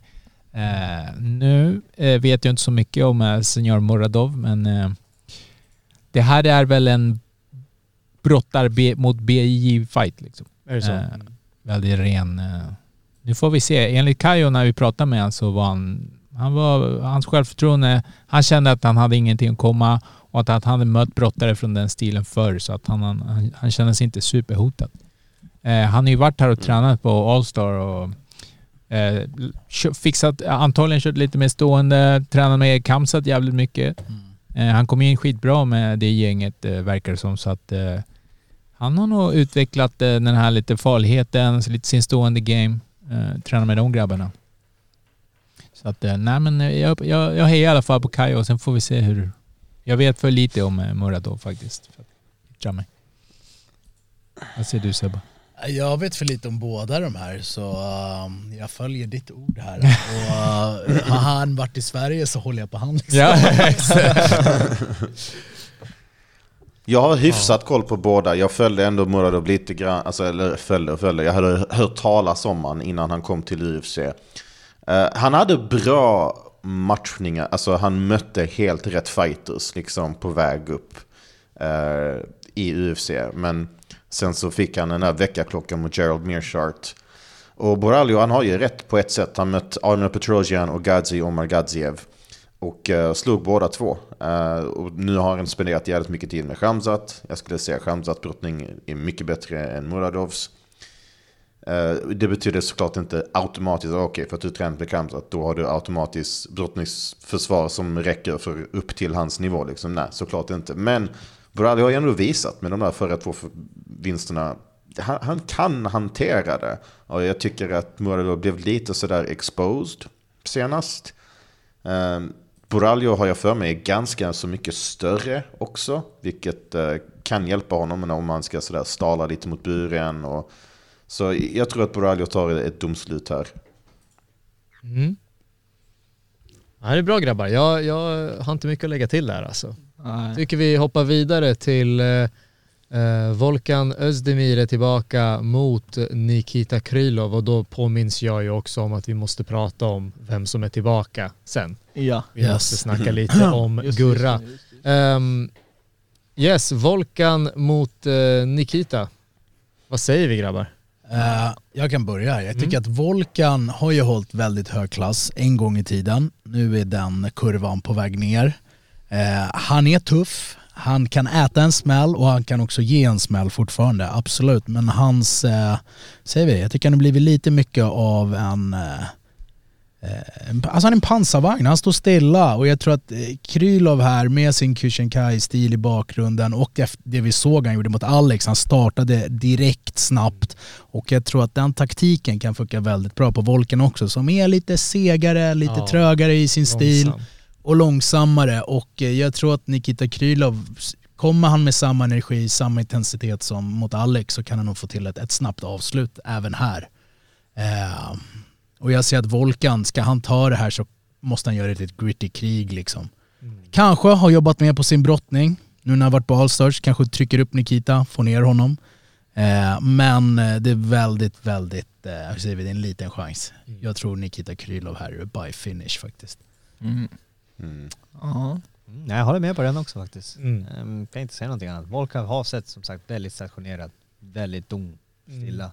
Mm. Då säger jag så här att eh, jag gjorde misstaget en gång att underskatta Volkan eh, mot Reyes. Så, och det var du vet, jag hade bettat och grejer och så, så bara eh, både jag och Johan, eh, vi var så här, vi bara, ah, men eh, Volkan suger liksom och, och Reyes, han är the shit och så vidare. Och så sitter vi där och bara, fan, man ska aldrig underskatta Volkan. Så här, medan Men han har ju Han kraft. såg bättre Alltså- och bättre ut. Ja men även där, var skicklig, du vet, han, han fick in bra grejer så här. Sen hade ju Reyes, hade liksom, han blev saved av the MMA gods på något sätt där, för att det, det decisionet är- highly questionable. I Korea va? Ja men jag vet säkert, så att det var något, nå, eh, så att han förlorade mot Reyes, men, eh, jag tycker inte det. Eh, även Rakic som var väldigt hypad, Volkan vann den matchen, visserligen också lite kontroversiellt, men poäng jag fick säga att Volkan, han, han är, man ska aldrig räkna ut han. han. Han är bra, du vet, han, han ser inte så, så skenet bedrar lite grann med honom liksom, men eh, fan. Nej jag vet inte, jag tror ändå Volkan tar det på något sätt. Alltså, det är, visst kan ju Nikita kan ha den här blitzstarten och liknande men, men över tre ronder, tittar man så, då tror jag ändå, då tror jag ändå eh, Volkan är, den som, ja men du vet, han jabbar lite, han får in bra skit och mm plockar en eh, rätt så sömnig match kanske. Han vill dra ner tempot lite grann tror jag. Mm. Um, jag, tänker, jag tänker så här med, med resten av the prelims. Jag, jag gör en liten svepning och sen så får vi plocka ut lite guldkorn. Vi har ju Lina är tillbaka. Vi har eh, Mohammad Mokaev som är extremt hypad, alltså en, en amatörkarriär som heter duga. Och Abubakar Nurmagomedov som är eh, Habibs kusin. Och eh, även Zubaira Tuguhov, Tugugov som eh, jag vet brukar ha svårt med vikten där på fjädervikt men han är tillbaka mot Lucas Almeida. Jag tänker grabbar, det är bara att plocka ut lite guldkorn för jag tänker vi behöver inte gå igenom Nej. alla de här matcherna match för match. Nej men jag tyckte du summerar upp det bra. Det där är några namn man ska eh, kolla på under kortet och hålla dem liksom. Om man kan se dem så se dem för de är ju, det är bra matcher. Och galan är ju på svensk tid ska ju alla Ja just det, veta om. Det är ju så fantastiskt nice. Det är ju galet många fighter alltså. Det här är en lång gala. Ja, jag tror att det börjar svensk tid alltså 16 redan, tror jag ja, Prelims börjar, 16.00 alltså. Fan, det, vad nice. Ja. Så det, det, det är bara fram med popcornen och Precis. köra på. Stor chans att Suba och, och eh, Abubakar vinner. Eh, de blir, i och för sig han möter en annan ryss, jag vet inte, men han är väl inte lika känd, Gadzi, Umar Gadzi. Ah, jag, jag tror Abu Bakar blev förlorare på den faktiskt. Ja men jag Ja, tror, alltså- jag, jag tror att eh, ibland där... Är eh, inte miljö- han den kusinen som, som är skam, som är lite? Så har ändå tapped. Eh, Han har tappat flera gånger. Ja precis, han är ändå den som inte... Han är den som alltid följer med på träning. Man bara, Exakt. "Ja, han får väl rulla med oss. Han är viloronden. Jag har aldrig hört om eh, Am, Ammar Gadjiev, så Nurmagomedov låter bra för mig. Ja, exakt. Han får, leva, han får leva på efternamnet. Det är bara, Ja, det var, han, var inte han som fick eh, Connors sista smäll på kaoset? Jo, alltså Connor slippade hans Han, vänster han gick runt och blev hånad av DC för han gick runt med en fel blåklocka på huvudet. Alltså den, det, Connor gjorde en riktigt fin slip and Ja. rip alltså på... på, Det på, är- Det är på- kul, det är kul när han bryter ner hela så här, du vet, ja då, då flyttar huvudet så, Ja. han sitter och kör värsta breakdown med, med Tony, vad heter han där, framgångscoachen. Ja just det, just det. Alltså det var 10-8 till Connor där mot Abu Bakar, det får man ändå säga. Abubakar kan inte hitta en vinst någonstans. Eh, men eh, nej, men jag, jag, jag är, jag är av, av de vi har kvar här så är jag absolut mest taggad på eh, Mokaev. Han är, du måste liksom betta 645 kronor om du vill vinna en hundring. Han är, han är stor favorit. Ja. Ehm, Och Malcolm Gordon, jag tror inte någon mm, ser något stort farligt hot i, i den utmaningen utan nej. Sist så fick han ju, alltså då var det så här, det var en ganska trist match för att han hade någon som var större än han kunde eh, stoppa, eller ta sig upp från marken i alla fall. Men Mm. då körde han ju bara den här konstant nedtagning upp, nedtagning upp, nedtagning upp. Så Ja. att han vann ju ändå övertygande. Men det, det vart lite sån st- Han såg stopp i, i hype-tåget på ett sätt sist. Ja han såg mänsklig ut, exakt. ja, det gjorde han. Eh, Vad har vi här då? Ja, Lina Länsberg, Sverige. Eh, tror tyvärr att det, det hon börjar sjunga på sista versen i, i, i eh, att hänga med topp 10-folken och sånt där. Eh, Karol Rosa blir nog nummer för stort. Mm. Så hoppas vi givetvis på Sverige. Ja, såklart. Grabbar, det där var, det där var 75 minuter av UFC 280. herregud, vi skulle ju bara köra snabbt. Det här, jag skyller på att CM, det är han som, Det- det- det är han som dirigerar Det, skiten. det är där. Men, men, men det är ju, eh, alltså det var ju länge sedan vi hade ett bra UFC-kort och jag saknar ju att sitta och Det gagga UFC. Mm. Det, Tänk dig nästa helg då. Ja, och nästa helg då ska vi se vilka som hade rätt. Ja, det Ni ska blir- alla slicka mina fötter när Sean O'Malley vinner mot Peter Jan.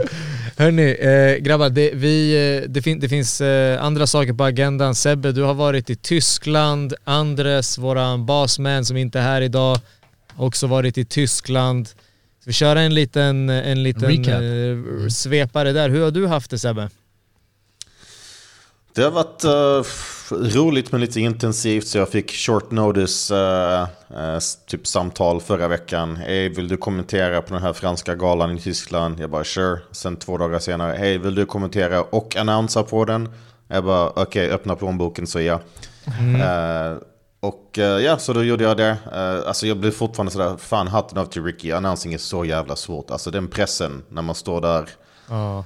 Och ljuset och allt det där och man väntar på liksom cueen från kameramannen och alltså det är fan svårt. Jag, jag fuckade faktiskt upp, jag, jag, jag sa fel record på en fighter vilket jag skäms asmycket för. Men jag, det var typ ingen som märkte förutom mig. Okej. Eh, promoten var, var jättenöjd i alla fall. Men uh, rolig gala. Eh, jag vet inte, det var kanske ingen sådär typ åh den här personen måste ni ha koll på. Det var ingen som riktigt trädde fram på det sättet. Men en, en nice rolig gala. Eh, jag skulle säga att, och sen så kommenterade vi också för att det var en co-promotion mellan den franska organisationen Hexagon och sen GMC eh, som är Tysklands största. fanns en tysk där i co-main event, eh, Alexander Luster. Alla hans vinster är på avslut. Underhållande kille, ung, karismatisk, vann denna gången på avslut också. Han däremot skulle jag säga, mm, kanske, kanske håller ett litet öga på han. Han, eh, han kan potentiellt bli, bli någonting. Fortfarande ung, liksom på väg upp sådär. Men eh, ja, han, han var den som stack ut mest för mig. Körde du eh, intervjuer också? Eh, I- i buren? Ja, alltså tyvärr, vilket jag inte ville göra för att ingen kunde engelska. Alltså, det var typ bara fransmän eller typ rumäner, georgier. Jag bara typ, hur fan ska detta gå? Eh, Så tyvärr fick, det- den enda som funkade det var Marcin Zembala, en polack som är baserad i Irland som kan bra engelska. Det var den enda intervjun som gick smidigt. Resten var Okej. liksom sådär typ, tolken hörde inte frågan för att han lyssnade inte, får ta det igen. Och liksom rumänen som säger att han kan engelska. Eh, jag frågade någonting och jag minns inte vad jag frågade och hans svar var typ I am from Romania.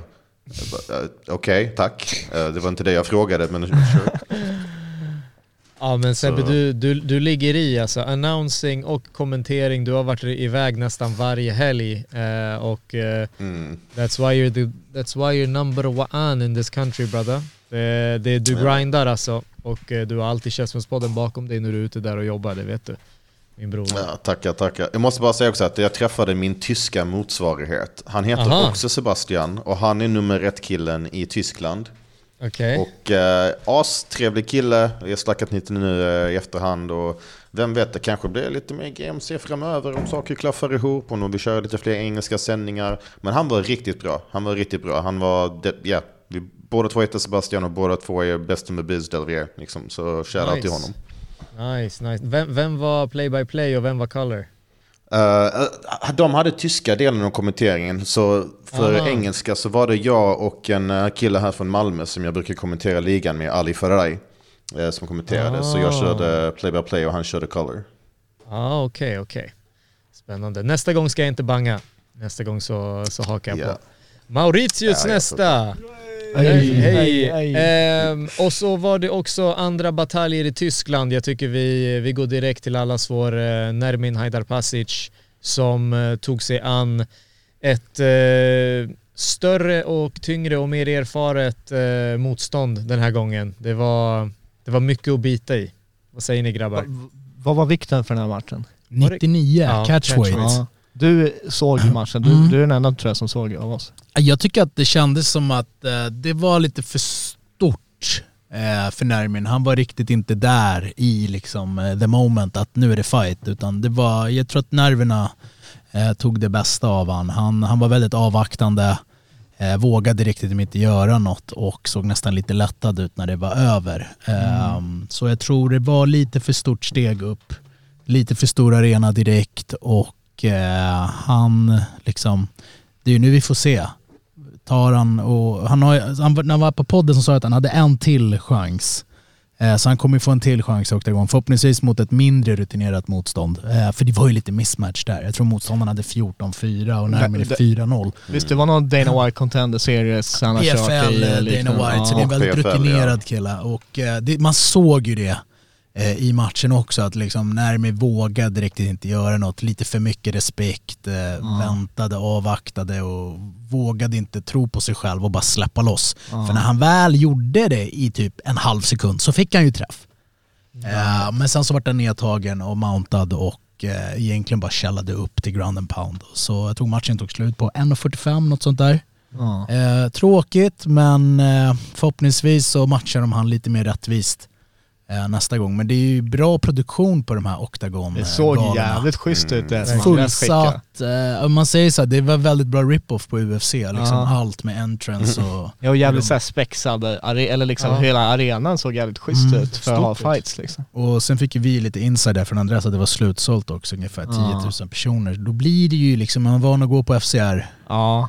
och så helt plötsligt är du på en stor liksom, riktig arena och, och internationell mark och... Ja men det- för att du vet, vi hypar ofta svenska här, det är på uppgång och det blir så stort här men fan när man kollar på de här liksom Tjeckien, eh, var det Mm. där det här nej det här var också Tyskland, Tyskland. Frankfurt. Tyskland, vi har Polen eh, och de här galorna, Octagon, KSV. Alltså fan det är en long way to go med Ja. hemmaplan eh, scenen här alltså. Precis. Vi, vi är glada om vi drar tusen pers på en gala. Det är ofta det är så här, ja vi kommer upp i 900 typ alltså. Fan här 10 000 pers som kollar på sina, ja. Men det är ju det, alltså, förhoppningsvis alltså, om vi fortsätter så här och fightersna fortsätter liksom leverera och då kanske vi, jag menar 10 000 pers, jag tror Globen, det är typ 13 000. Ja. Alltså jag menar, det, de, de gjorde liksom basically nästan Ja. Globen Ja. eh, igår. Jag menar tänk, tänk om vi, när vi kommer dit, då kanske man sitter där och poddar på heltid, vem vet? Alltså det, det, om, nej, allting, exakt. om, om, om allting bara kan höjas liksom, det, det hade varit... Eh, Sen får man ju Under. tänka befolkningsmässigt så är vi väldigt få så det blir Så ju färre som gillar Ja. MMA. Men det vore fett ja. med det sagt ändå. Ja men exakt. Nej, men det, är så, det finns ju de här organisationerna som har blivit så jävla stora i, i, i sina regioner att Mm. de, eh, liksom engelska pro- produktionen den hamnar sekundärt. Eh, Det är KSV, då står de och snackar polska rakt av och sen liksom i och med att de har Mm. blivit st- större och större så har de också tagit in engelsk eh, produktion men det är fortfarande den polska sidan av det som pushas mest och det, det är större än UFC i Polen och sånt där. Så att, fan, det är det vi jobbar för här i Sverige men vi har en bit kvar att gå. Mm. Alltså, behind the, våran behind the scenes info var ju att uh, Nermin blev ju lite tagen av eh, storleken. Liksom, av, eh, och det, jag vet ju inte hur mycket det var av respekt för motståndare eller bara vart du befann dig. Liksom. Eh, och, men eh, det, det såg lite match på pappret, men det vet de ju. Det, de tackade ju ja. Så du vet ju Forts record. Eh, vi pratade lite där om på chatten, vad som är bäst. Så, så för det ena var typ, Eh, vi debatterade här om att ja, är det bättre att man ska bara eh, stanna kvar i Sverige en lite längre tid, få upp en liksom stor record och sen ta klivet ut. Eh, Seb Sebba till exempel tycker att det är mer fan ut. Liksom, ut, eh, ta reda på, få er, är den här erfarenheten på en gång. Eh, och att det här, så typ, om det är den, den principen eh, som Nermin använder då, då, då är det bara att ta det här som en lärdom. Okej, det här var första gången, men nu har jag fått det ur systemet. Nu vet jag hur det är att slåss inför 10 000. Jag vet hur det är att möta en, en eh, hostile publik och allt det där. Eh, så jag hoppas att han tar det på det sättet. Eh, så att han kan fortsätta utvecklas. För att jag menar, vad fan, han har ju inte så jättemånga matcher och slåss på en sån där scen. Eh, det är väl klart som fan vem som helst hade blivit tagen av det. Eh, men eh, han är ju... Så lägg in jobbet, eh, fimpa cigaretterna. Nu är Ja. fan dags att steppa upp ditt game eh, och fan bli proffs. Du är duktig. Eh, du ska vara där uppe. Eh, bara städa upp det lite mer. Nej men det är så, vi älskar ju Nermin här, vi, vi vill ju bara att han ska, att det ska gå bra för han. Men det är ju en relevant fråga också, hur länge kan man hålla på och röka morgonscigg på fight day och sådana här saker. Eh, hur proffsig vill man vara? Hur, hur mycket betyder MMA-karriären? Eh, Vad har man för framtidsdrömmar och sånt där? Ja, det, var- det är som du eh, pratade här på det här, typ att det finns ju andra yrken. Ja, alltså är, är man inte Han jobbar liksom... ju två, tre jobb tror jag Jo men det är också fortfarande en, Liksom. en karriär man har valt där man får liksom skallen inslagen Mm. och då är det så, okej vill du inte ha varenda marginal i fördel för dig själv så att du liksom kan vinna och vara den, säger vi ettan i matchen alltid och komma ut med hälsan i behåll. Mm. Eller redo att gambla med det här? Eh, och då som vi sa, det finns ju andra karriärsval som man kan lägga ner den här tiden och gå och träna där du liksom till och med får lite cash för. Än att liksom grinda i en källare två, tre gånger om dagen och, och eh, sen klaga på att det inte finns sponsorer och så. Eh, så det gäller ju det här valet, vad folk väljer att göra. Liksom. Att vill du det här så ska du ändå vara dedikerad. Eh, Mm. För det är, det är en oförlåtlig sport. Ja exakt. Det är vä- vägen upp alltså till, till framgång, är, alltså den är, den, är, den är tuff, den är mörk, den är ensam, den är Alltså upp- uppoffringarna folk får göra. Och sen Nermin är absolut ingen eh, sån här Instagram-fighter. Alltså, han är inte den som bär manteln av jag är proffsfighter och eh, döm mig för det. Utan han- han är, han är liksom en, en legit kille, familjefar, har flera jobb eh, som kanske behöver bestämma liksom vart fokus ska placeras. Eh, och vi vet att det är folk som, som brottas med sådana frågor. Vi hade eh, Bain Gustafsson här som, eh, som också liksom kom till liksom ett vägskäl med ett fantastiskt record, fantastisk framtid och kände sig shit, jag kanske inte har det. Så han fick lov att ta en paus och så fick han hitta det igen. Eh, och eh, det är verkligen inte, och det här säger jag inte om Nermin nu utan nu hoppar jag vidare till, alltså det är inte alla som har det. Eh, och vissa får reda på det snabbt, vissa tar det längre tid att få reda på det, men eh, lite som Seb, Seb, Seb var inne på, ehm, se till att du får reda på det eh, Ja. i alla fall och eh, var ärlig mot dig själv. För det är en jävligt tuff eh, karriär alltså. Det här, går, det här går ju också in på en annan grej vi har pratat om det här med att uh, tacka nej till fighter eh, Eh, när det presenteras. Eh, att eh, jag, typ, alla förstår ju att eh, man, vill, man vill ju nå hög nivå med så perfect record som möjligt. Liksom. Eh, men eh, jag menar i Sverige tror jag scenen är så liten. Du måste nog bara ta fighterna som presenteras. Eh, speciellt eftersom här, här går man ändå inte så mycket match eh, så regelbundet. Så eh, till de fighters där ute som bara väntar på den här perfekta motståndaren. Alltså det, det finns inte. Seb, Sebba, det var lite, det var lite pugget igår. Ja, nej men det, men det, det är det här Nils säger. Alltså, det är så här, alltså, någonstans ska ju din tro på din egen förmåga vara så pass att du känner så här, vet du vad, jag kan möta den här personen, det är inga problem. Men när du börjar hitta liksom att se den här personen som, eh, som någonting jätte, liksom, du höjer upp personen när det bara är människor, det är ju motståndare. Men när du hela tiden, varenda motståndare liksom gör, bygger ut till värsta monstret och försöker dodga, dodga, dodga för att som vi sa här, försöka hitta, cherrypicka den perfekta där du känner så här, men här har jag övertag, här kan jag vinna. Då är det så här, okej men vad ska du göra med hela den här fighting-grejen? Ska, ska du göra karriär? För sen när du kommer upp, det finns ju inte en chans att du kommer få välja vem du vill möta. Så det är lite det här som vi sa igen, man får ju välja, gör jag det här på hobby eller vill jag göra det här till mitt liv, till mitt levebröd och liksom eh, göra karriär på det här. Och där tror jag många måste komma till det här vägskälet. Att säga, okej, men jag gör det här för att det är kul, jag tar en match ibland för att jag gillar att träna, jag gillar liksom hålla igång. Eh, och då kanske du kan vara mera picky med matcher och så, för då gör ju inte det här 100% helhjärtat med de intentionerna. Men har du gått in med den intentionen så tycker jag möt den du får, liksom kör. Så länge det är ingen grov mismatch så måste du ändå, säger vi, bevisa. Är det här något som du är skapt för eller inte? Mm. Nej, 100 procent. Alltså, Och jag, Och- jag vill bara säga, ja. och det här tror jag är ett problem i Sverige rätt mycket. Det var jag upplevt att just här hemma så är det här att trygga comfort zone Sverige liksom. Ja. Att folk vill bara, ah, men jag vill köpa hemmaplan, jag vill möta den här och den och den. Och eh, jag tror att det har blivit något, något lite infekterat liksom Ja. eh, i MMA, just i Sverige det här att folk ska välja matcher och så vidare. Alltså jag tror bara, jag tror bara motargumentet till det blir ju obviously när man snackar om lön och sånt där. Och det, då kan vi titta på UFC-nivå. Där har vi Sean O'Malley som körde, ah, jag, jag får inte tillräckligt bra betalt och möter de här soporna tills ni betalar Mm. mig. Eh, och sen, du har ju noll leverage liknande här i Sverige ofta när det är början av din karriär. Men det är också någonting som kan börja utnyttjas av promoters och som, som utnyttjas. Man har hört många skräcksiffror vad fighters tjänar som är ändå eh, liksom under all kritik även om vi inte har någon stor multimiljon miljon business eh, som, som arrangerar de här matcherna så är det ändå eh, företag som, som går runt ibland liksom och, Ja, och, alltså sådär. definitivt. Men, Så nu det- pratar det- vi om, om liksom början på karriären. Ja, att så här, är det här något du ska göra eller inte? Och då, Ja, är så här, då tar du det du kan för att få ihop dina första matcher. Det är inget du kommer bli rik på. Nej.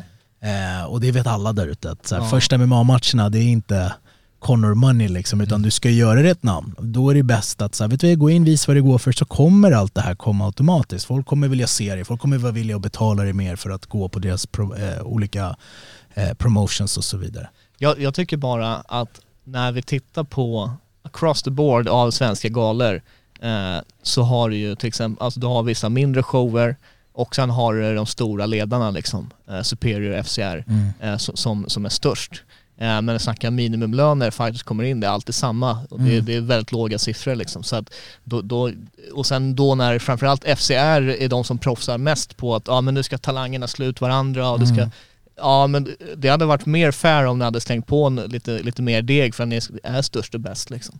Eh, men, men där vet vi fighters som debuterar för en tusenlapp och sådana här saker som så att då, då, det är väl det som fightersarna tänker men, men jag håller med dig i stora hela. Du, du kommer inte komma långt på den mentaliteten tyvärr. Nej, Eh, det, det funkar ju inte. nej precis. Men det, det är det här. Men, men då det, kanske vissa väljer att man, ja men då går vi i, i Superior där man kan få möta någon brasse med negativt record kanske. Alltså förstår, förstår du vad jag menar? Du vet. Alltså, och det är, ändå betalt. ja men alltså om det är samma peng, vad fan. Ja. För att de kör inte lika mycket svensk mot svensk och sådana här nej, saker. nej, men jag, jag pratar nog mer, alltså strunt i pengarna, jag pratar mer att du, du, du väljer motståndaren, att det är motståndaren du inte vill möta Ja. mest. Alltså pengarna kan vara vad det är, men att du liksom försöker hitta en lucka, och nej Ja. inte här och där och där. Eh, och det är väl det liksom, jag tänker mest såhär, förr i tiden så körde du bara, det fanns inte, fanns inte att googla på någon, jag vill se på youtube liksom, det är bara, "Aha, det är någon som kommer, imorgon kanske de hittar en motståndare, vi får köra liksom. Idag har det blivit så mycket man ska välja, kolla, ska se videos och hit och dit. I alla fall i början på karriären, kör! ja. Liksom gå dina fem, tio första matcher, sen kan du börja liksom... Du kan ju se ju lite den stilen på till exempel Fernando eh, Ja. El Toro. Han är ju lite så här, han går mycket matcher. Det är, det är typ den Han skolan. Exakt, Ja, det är den exakt. skolan. Eh, och sen eh, jag, när vi hade Machete här, Machete hade också, jag tyckte han hade bra, rätt inställning. Du vet. Han, han ger mig matcher, jag måste gå matcher. Exakt. Jag har ingen record, det finns ingen record att prata om. Jag måste bara gå Mm. fight. Jag, jag tycker någon som är ett väldigt bra exempel är David Jakobsson. Eh, han, han körde ju bara i början, han, han åkte iväg, som ha, Halmstad var lite bortglömd, även A-scenen, ja men då åkte han iväg som offerlamm utom, Mm. utomlands eh, och, och liksom han bara körde, tog matcher eh, på, på de galna som gav han chansen. Sen nu börjar han bli lite mer intelligent med hur han väljer i och med att han har byggt upp ett ganska Ah, bra record. precis. Exakt, och då börjar han tänka logiskt vilka steg behöver han ta för att det börjar närma sig med större galor och liknande. Mm. Eh, så att jag tycker han, han har ganska bra, eh, bra, bra exempel på hur man bara kör först när du har ingen luft Exakt. liksom och sen skaffar du mer och mer luft desto mer du vinner liksom. Precis. På tala om eh, matcher som är bokade. Eh, vi hade Flores mot Löv. Den är bokad. FCR. Just det. Vi har Gustafsson Mm. tillbaka. Eh, där var också en liten sån här grej vi, vi har pratat om. Pappa. Om Mm. själva eh, Alexander, om hans status Mm. i gamet eh, idag liksom. Eh, efter hans senaste match så såg han riktigt, alltså jag, alltså jag tyckte han såg terrible ut. Det såg ut som han var inte gillad att bli träffad. Det var typ, eh, jag är i fel sport. eh, och eh, alltså, han, han var ju the mauler. Jag vet inte om han fortfarande är det. Eh, och jag, inte, jag vet inte om jag tycker att han ska fortsätta. Jag hoppas jag har fel, men personligen tror jag att det, det tåget har liksom försvunnit, den har åkt iväg. Ja, men jag kan hålla med. Jag kan tänka mig det är lite så här, det börjar bli lite Tony-varning där. Eh, om han nu kommer tillbaka och skulle vinna den här matchen, vad gör det för hans karriär nu egentligen? Det gör ju nothing. Det, det finns ingenting, han har ingenting att vinna. Liksom, det är det jag känner liksom, men annars tycker jag... Det kliar i Ashas. Det där, det där, är, det där är helt fel för att det här, det här desto mer man är inne i sporten så lär man sig det här. Att det, det, det finns här och nu och sen finns det imorgon och det kan vara helt skilda verkligheter. Går han in fucking, du vet, kör Mauler, eh, han, han får möta OSP, kom igen, de är från samma era. Det är inte den här nya hungriga killen som kommer upp och, förstår du? Han får möta OSP. Men, men, samma men era. Krylov var ju inte heller ung coming up. Nej, han är Nej, men, också... men, men, han, är- men han är fortfarande, det, det, han är fortfarande belongs there liksom. Ja, men du sa ju fortfarande det, han får möta OSP Ja, från samma era. Ja. Alltså en helt generation nu. ja.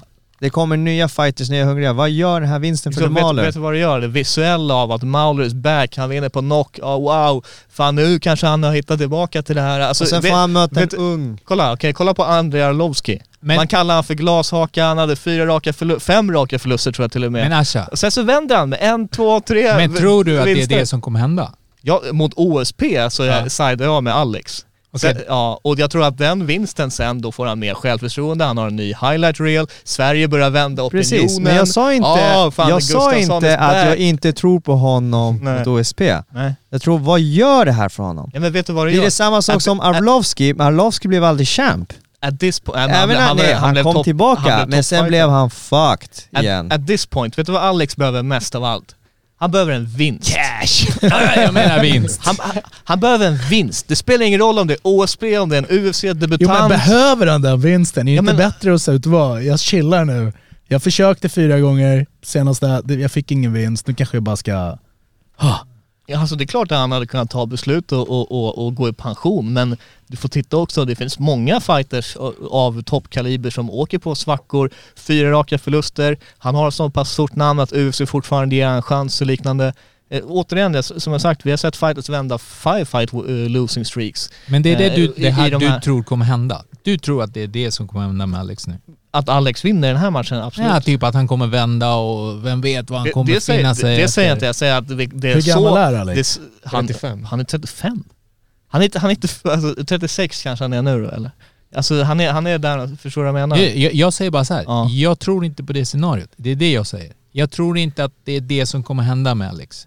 Jag tror att Alex är inte the mauler längre, förstår du? Han kommer, de här, de här, de här herrarna på täppan, de kommer, ge- de kommer ge en krig. Alltså det, det, han är inte about that Jag, längre jag, jag, tror, jag tror så här. jag tror att hans problem har alltid varit mentalt. Eh, och det tror jag han skulle säga själv också. Jag hade en intervju med honom där han på något sätt gick in lite på det här och bara, fan du vet. Och då började han, det här var slutet av 2020 och då var han, ja vi får se vad som händer med min egna så kallade karriär och, och, och du vet, han, han visade lite tecken på att han var det kändes nästan som att han skulle retire on spot i den intervjun liksom och, och, och, och sådär. Men, eh, och sen Kamsat kom upp, jag tror det, den här grejen att han inte tar på dag i Sverige, eh, hypemässigt och, och alla de här sakerna, det har spelat in i, i hans mentalitet. Däremot eh, tror jag att han har väldigt goda chanser att vinna mot OSP.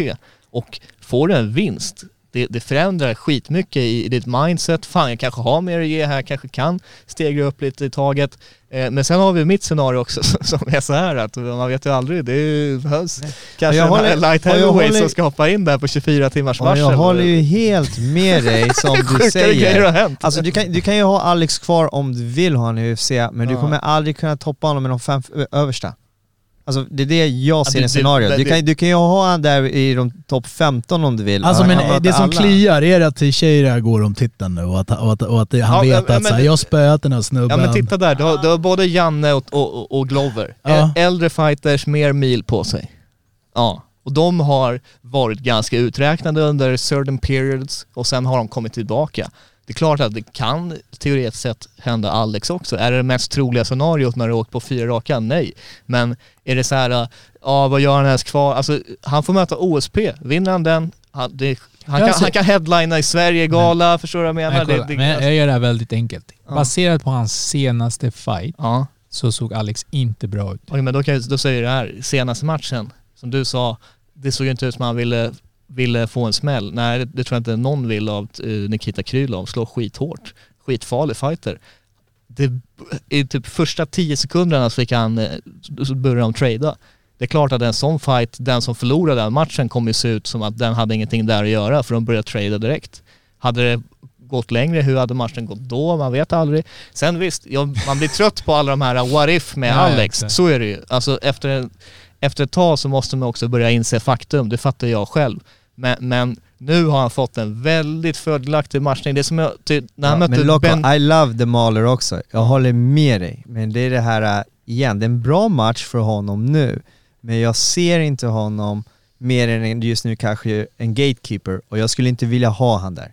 Jag skulle Nej, hellre till exempel, inte. om man tar det här nu, get the fuck out.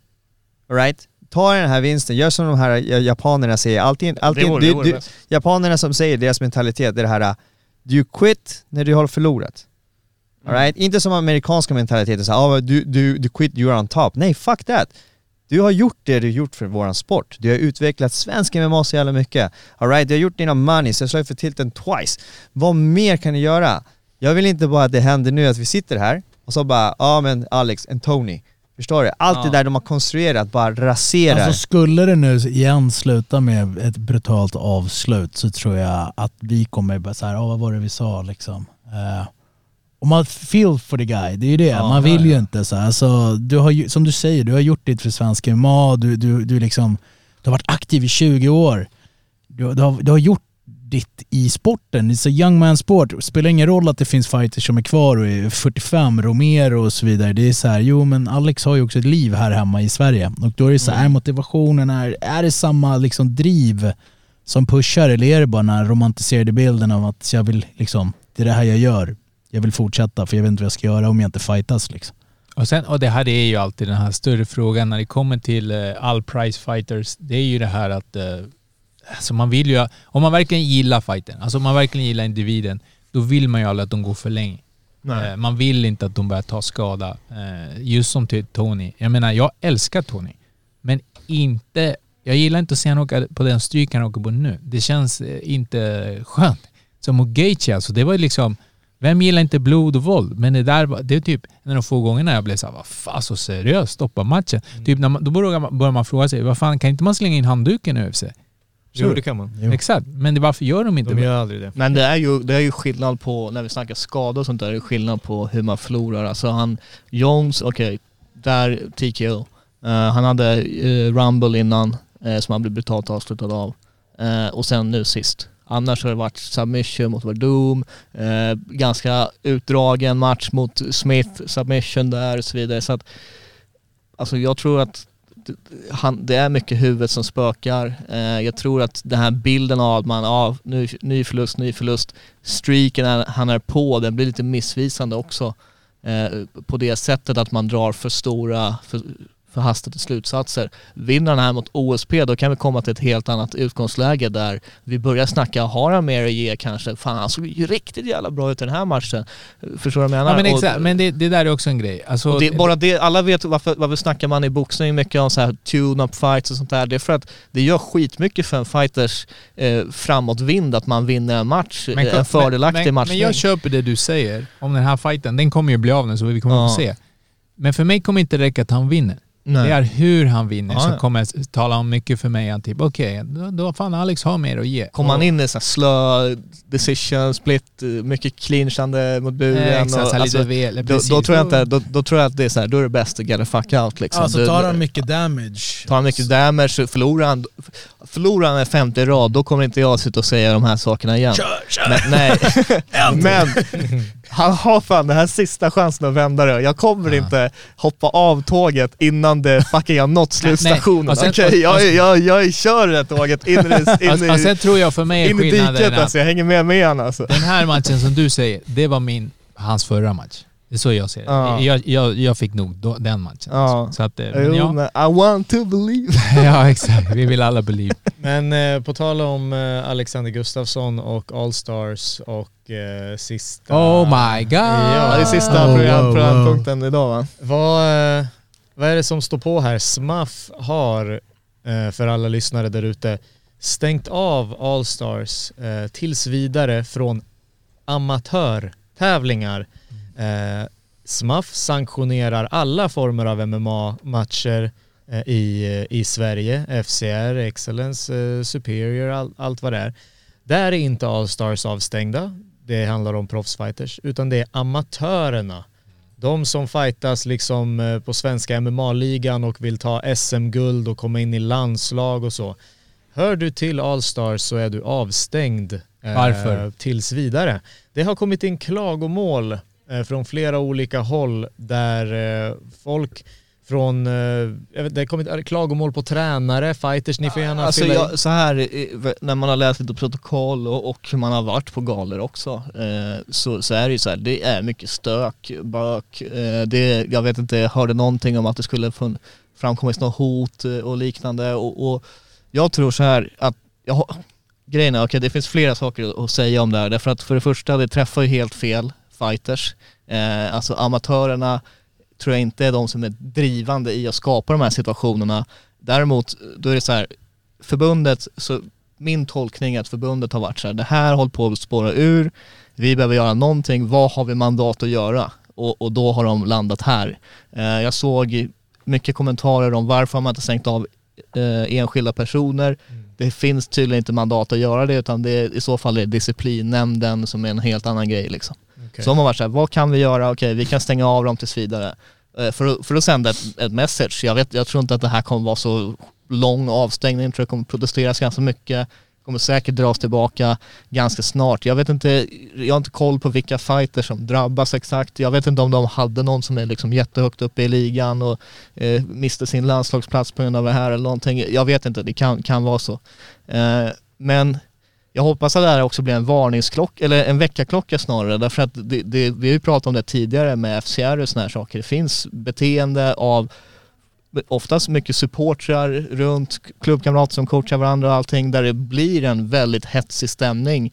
Eh, det, när, framförallt när vi snackar amatörtävlingar, det är inte riktigt den känslan man vill ha på de här tävlingarna utan, utan eh, och, och, och jag tror inte att det är den känslan som man är van vid. Arrangörer vittnar om att det liksom har blivit värre med tiden och jag tror det är mycket jargongen hos liksom kändare fighters på gymmet som, som smittar av sig till, till amatörerna och det är en annan sak när du är på showbusiness UFC-nivå gentemot typ i, i Nexus liksom på, på en shoot challenge. Eh, så att jag tror många i Sverige är ledsa på att det blir en kaffar och kaffar attityd runt de här galorna och, och, och tävlingarna. Eh, är det rätt beslut att ta sådana här saker? Det, det vet jag inte riktigt vad man hade kunnat göra men, men eh, att, att det liksom ett beteende bara får fortgå utan några former av konsekvenser det är ju ett problem i sig det med. Så att, eh, på, på något sätt är det ändå bra att man säger ifrån. Eh, så vet inte jag om det liksom har funnits flertalet varningar innan man har kommit till den här punkten. Jag kan tänka mig det, jag vet inte. Jag, Eh, jag skulle tippa att de måste ha känt att de har fått väldigt in ganska mycket för att de skulle våga göra mot typ Sveriges största MMA-klubb Ja. just nu. Liksom. Så jag tror att de måste ha fått in väldigt många. Och sen bara ha, ha varit på eh, olika galor och sånt så är det ju, alltså, det är ju stök från det hållet. Och det är inte en gång och, det, och att eh, jag har hört stök just om på amatörtävlingar också.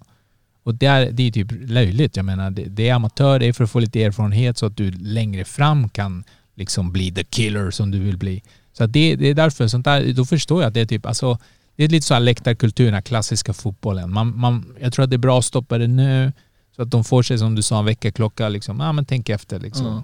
Eh, och förhoppningsvis så är de lite coolare från och med nu. För- är för- inte det här lite så, för- bara flika in, är det inte lite som om vi snackar läktarkultur, att man säger att man har liksom några som går och, och gör väsen av sig på, på derbyt mellan Hammarby och Gnaget och så säger man nej men fan nu, eh, nu stänger vi av eh, AIKs eh, pojk, pojklag här, nu får inte pojklagen vara med. Alltså, Skillnaden känns är det väl att de, fel? de som stökar och bökar i så fall är på publiken och inte typ ringside eller precis, alltså förstår du vad jag menar? Ja, men jag tänker att det finns är- inga amatörfighters som har stökat på plats, alltså när de är där och ska gå match. Jag, jag vet inte exakt vad det är men för, för kontext så kan vi bara läsa upp det här. Eh, det här är en punkt då från styrelseprotokoll eh, innan det här beslutet tagits. Eh, MMA-ligan återkommande störningar vid tävling. Det har under en period inkommit flertalet klagomål från supervisors och arrangerande klubbar rörande dåligt uppträdande eh, och störningar vid tävlingar i MMA-ligan. I samtliga fall uppges de ansvariga tillhöra Allstars gym. Agerandet är så allvarligt att styrelsen beslutat om reprimand för dåligt uppträdande. Andreas Valdal ansvarar för att ta fram och förmedla skriftlig reprimand. Eh, jag vet inte riktigt vad betyder det? Att det måste vara någon form av varning som har Reprimand är en åtgärd va? Ska, Ja. ska vi inte fråga chefredaktören på sidan som breakade nyheten kanske? Som har lite inside info om ämnet. Yes, Vem är det då? Såklart så släpptes det på Maximum Sports och... Ah, just det, eh, Maximum Sports, fight yeah. news. Var är den Vi bara ljudeffekten briljerar med som- att jag är borta Sebbe. Passa ja, på. exakt. Nej men alltså, så ja, tydligen så ska det vara upprepade grejer, inklusive att en eh, domare eller supervisor, jag minns inte vilken av dem, men alltså någon som jobbar för Smuff blev hotade eh, av någon av de här. eh. och grejen är att, slår det fel? Ja, men som ni har sagt och som är en helt rättvis poäng så, så måste ju någonting göras. Och grejen är att jag kan, ju, jag kan tycka synd om Astarets också för att precis som med alla som helst när det går riktigt bra för någon, om man blir stor, vad händer? Det kommer hangarounds. Hangarounds som kanske inte riktigt har samma ambitioner ens, men de, de vill gärna ta del av den här framgången. Och jag har pratat med några personer, några fighters på A-Star som är riktiga fighters, alltså du vet, liksom legit fighters. Och som har nämnt att liksom, ja, det finns några som typ när det inte finns coacher eller liksom de som typ håller i träningarna och sånt på plats, liksom om de, de är ute och, och liksom följer med fighters som tävlar i UFC och sånt, så tar de för sig och kör för hårt och liksom gör si och så. Och, och visar den här liksom typ GB-attityden som tyvärr är det som har lett till detta. Och det är ju synd att, jag menar, de, jag tror att nu kan inte jag säga med 100% säkerhet, men jag känner mig ganska säker att säga att de som stökar mest är inte de som direkt som ens har ambitioner om att gå pro eller någonsin kommer gå pro. Men som kopplade, som kopplade till klubben så hänger de ju med ändå varje gång. Så det blir liksom typ som, en- som en amputering, som att sådär, amputera handen för att rädda armen på något sätt. Jag är ju, så- alltså, för mig blir det också, jag är ju, jag är väldigt intresserad av vad deras svar på det här blir. Liksom hur, de kommer, hur, hur de kommer ta till sig. Alltså antingen tar de till sig eller så kommer de liksom mot attack. Eh, för Jag att tror det- på det senare Du faktiskt. tror på det senare? För det, Mm. ja, men, men det där, där har du också tydligt exempel på den kulturen som de verkar ha byggt upp. Att det, det är det du förväntar dig, att det kommer från Allstars. Det är inte den här typ ah, med Ja, men, culpa, alltså, vi jag gjorde tror- ett fel. Liksom. Jag tror bara så här för att, alltså grejen är de, det- det här är ju, det, är ju, det finns ju massvis av olika vinklar till det här. Alltså dels så är det ju en kultur på Allstar som gör att de, alltså man fostrar stenhårda fighters som kommer in och, eh, och, och, och de har ett otroligt högt självförtroende här men det finns ju en viss brist på vett och etikett i, i, i vissa, eh, från vissa håll eh, som liksom, och sen är det, ja, det är MMA, det är inte någon så här bud och andra kampsport heller. Jag menar jag kan själv bli lite less på när vi snackar thaiboxning där folk blir så här, äh, tycker att det är världens skandal att någon buar på läktaren liksom. Alltså, förstår du? Så det, det, jag menar, det, det är ju fighting, det, så det, det är klart att det blir hetsig stämning men jag tror att det här har spårat ut lite väl mycket. Det finns inflytelserika figurer som, som återigen liksom i UFC på en invägning, på en stare då kan man ha en viss energi men, men det kanske inte ska smittas av till ligatävlingen på samma sätt. Jag tror i slutändan bristen, jag menar om man jämför med en annan stor klubb, eh, Top Team, American Top Team, där har vi liksom Dan Lambert som sätter sina regler. Så här är det, passar inte det, då kan du dra liksom. Jag tror att det där fattas lite på Allstars, att man har ändå, alltså att, att, att den som, som är ansvarig för alla de här huvudtränarna, den måste, som är Andreas Be- Michael, behövs måste, ett strängare ledarskap med, Ja. med, med liksom... Alltså eh, för att egentligen så borde ju klubben stänga av då de som stökar och bökar. Mm. Ni följer inte reglerna för medlemskap här liksom. Det, det bör- borde inte behöva landa hos förbundet utan det borde Helt finnas rätt. riktlinjer för, för klubben. Mm. Att så här, för det här förväntar vi eh, oss av er om ni ska representera oss. Ja, Men det är Det- helt rätt. Ja. Alltså precis så som du sa, alltså ingen, ingen är st- på, på toppteam, oavsett hur många, tänk hur många titlar de har där, alltså hur stort det teamet är, det är en riktig industri, folk bor där. Eh, ingen är större än Lambert. Nej. Om Lambert säger till Masvidal och Colby att liksom så här, eller Dustin Poirier var det va, att liksom så här, ni, ni ska inte skapa någon rabalder här på gymmet. Eh, nu tar vi ett möte, ja det funkar inte, okej Colby tyvärr, du, du är ute. Alltså det, det är ändå miljoner kronor som, som Lambert säger nej tack till. Mm. Alltså, och för, för att liksom värna om American Top Team. För det är ingen som har snackat om att oj, American Top Team är ett spårat lag. Alltså så här, det blir alltid kaos när de håller på, bla bla bla. Utan de, de tog tag i det internt, eh, vilket jag 100% håller med om att det ledarskapet behöver liksom sättas i verket. Eh, så, så, att det inte, så att det inte blir så här kollektiv bestraffning på det här sättet. Precis. Mm. Verkligen. Grabbar, vi har surrat i två timmar. Vi visste att det skulle bli en, eh, Insane. en riktig poddeli-podd idag. Ehm, Jag skyller på Asha. det, det har varit... Jag skyller eh, på Sebbes Nej, hör du eh, snabba analys. Det har varit ett, det har varit ett eh, fantastiskt nöje. Vi kommer att sitta här igen och surra på söndag då ska vi recapa. Ja, då måste alla lyssna för då får vi se hur eh, Ja, gärna. rätt alternativ slash fel eh, CM hade. Ja, exakt. exakt. Eh, grabbar, lite... Jag kommer tillbaka med min storvinst. Ja, din... Rik, rik Asha kommer Åker hit i en. Lambo. Jag bettade 6 kronor och Promenerade hit i regnet, nästa gång blir det Lambo. Ja, Eh, fan. hörni, några, några, några snabba käftsmällar. Eh, jag börjar med dig nere i källaren Sebbe, vad, vad, vad tänker du på? Ja, jag har käftsmäll till uh, tyska produktionsteamet faktiskt på galan jag jobbade på. Okej? Som bestämde sig för att slänga in reklam mellan matcher utan att säga till mig. Så att det klipps precis när jag är mitt i att välkomna in nästa fighter.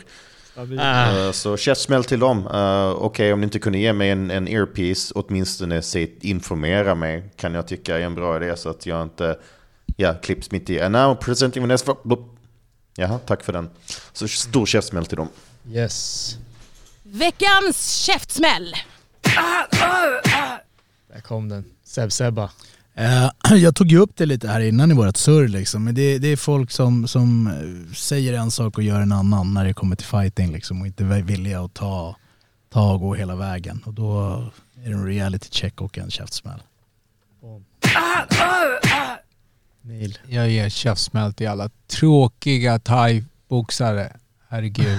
Step up eran, eh, eran game, var lite coolare. Ja. MMA, MMA, alltså jag säger det här själv som thai-boxare så att eh, nej men eh, lite mer eh, profilera, lite coolare. Eh, Freddy Castro är skitbra på det här. Kolla lite på han, följ han, gör som han. Boom. Allan. Jag passar på nu när Andreas inte är här, han får en käftsmäll. ja, annars kör jag aldrig någonting, men nu är han inte här när vi alla är in the house liksom. Så, boom! Ja, jag, fan jag vet inte alltså. Jag, jag, jag gick ju här, jag den här har- vägen för att jag Ja. skulle få tid att tänka. Nej, liksom. jag, jag försökte tänka på vägen hit men jag har inga just nu alltså, det är det faktiskt inte. Nej. Så att eh, jag får vara tråkig då. Ja, nej men jag, slä, jag slänger ut den till eh, vet du, det svenska skolsystemet. Hörrni, samhället har förändrats. Eh, det, det ser inte ut som eh, 1930 längre. Vi sitter inte på fabriker och räcker upp handen och så, så kommer det någon arbetsledare och kollar på vårt arbete. Skolan måste förändras med samhället. Hörni, eh, sluta lalla omkring, sluta dalta med de här barnen. Eh, nu är det nog. Aj, aj, aj, aj, aj. Okej hörni, vilket nöje. Det här har varit Käftsmällspodden. See you next week. Next time. Sebbe, take care. Yeah. Ciao guys. Wants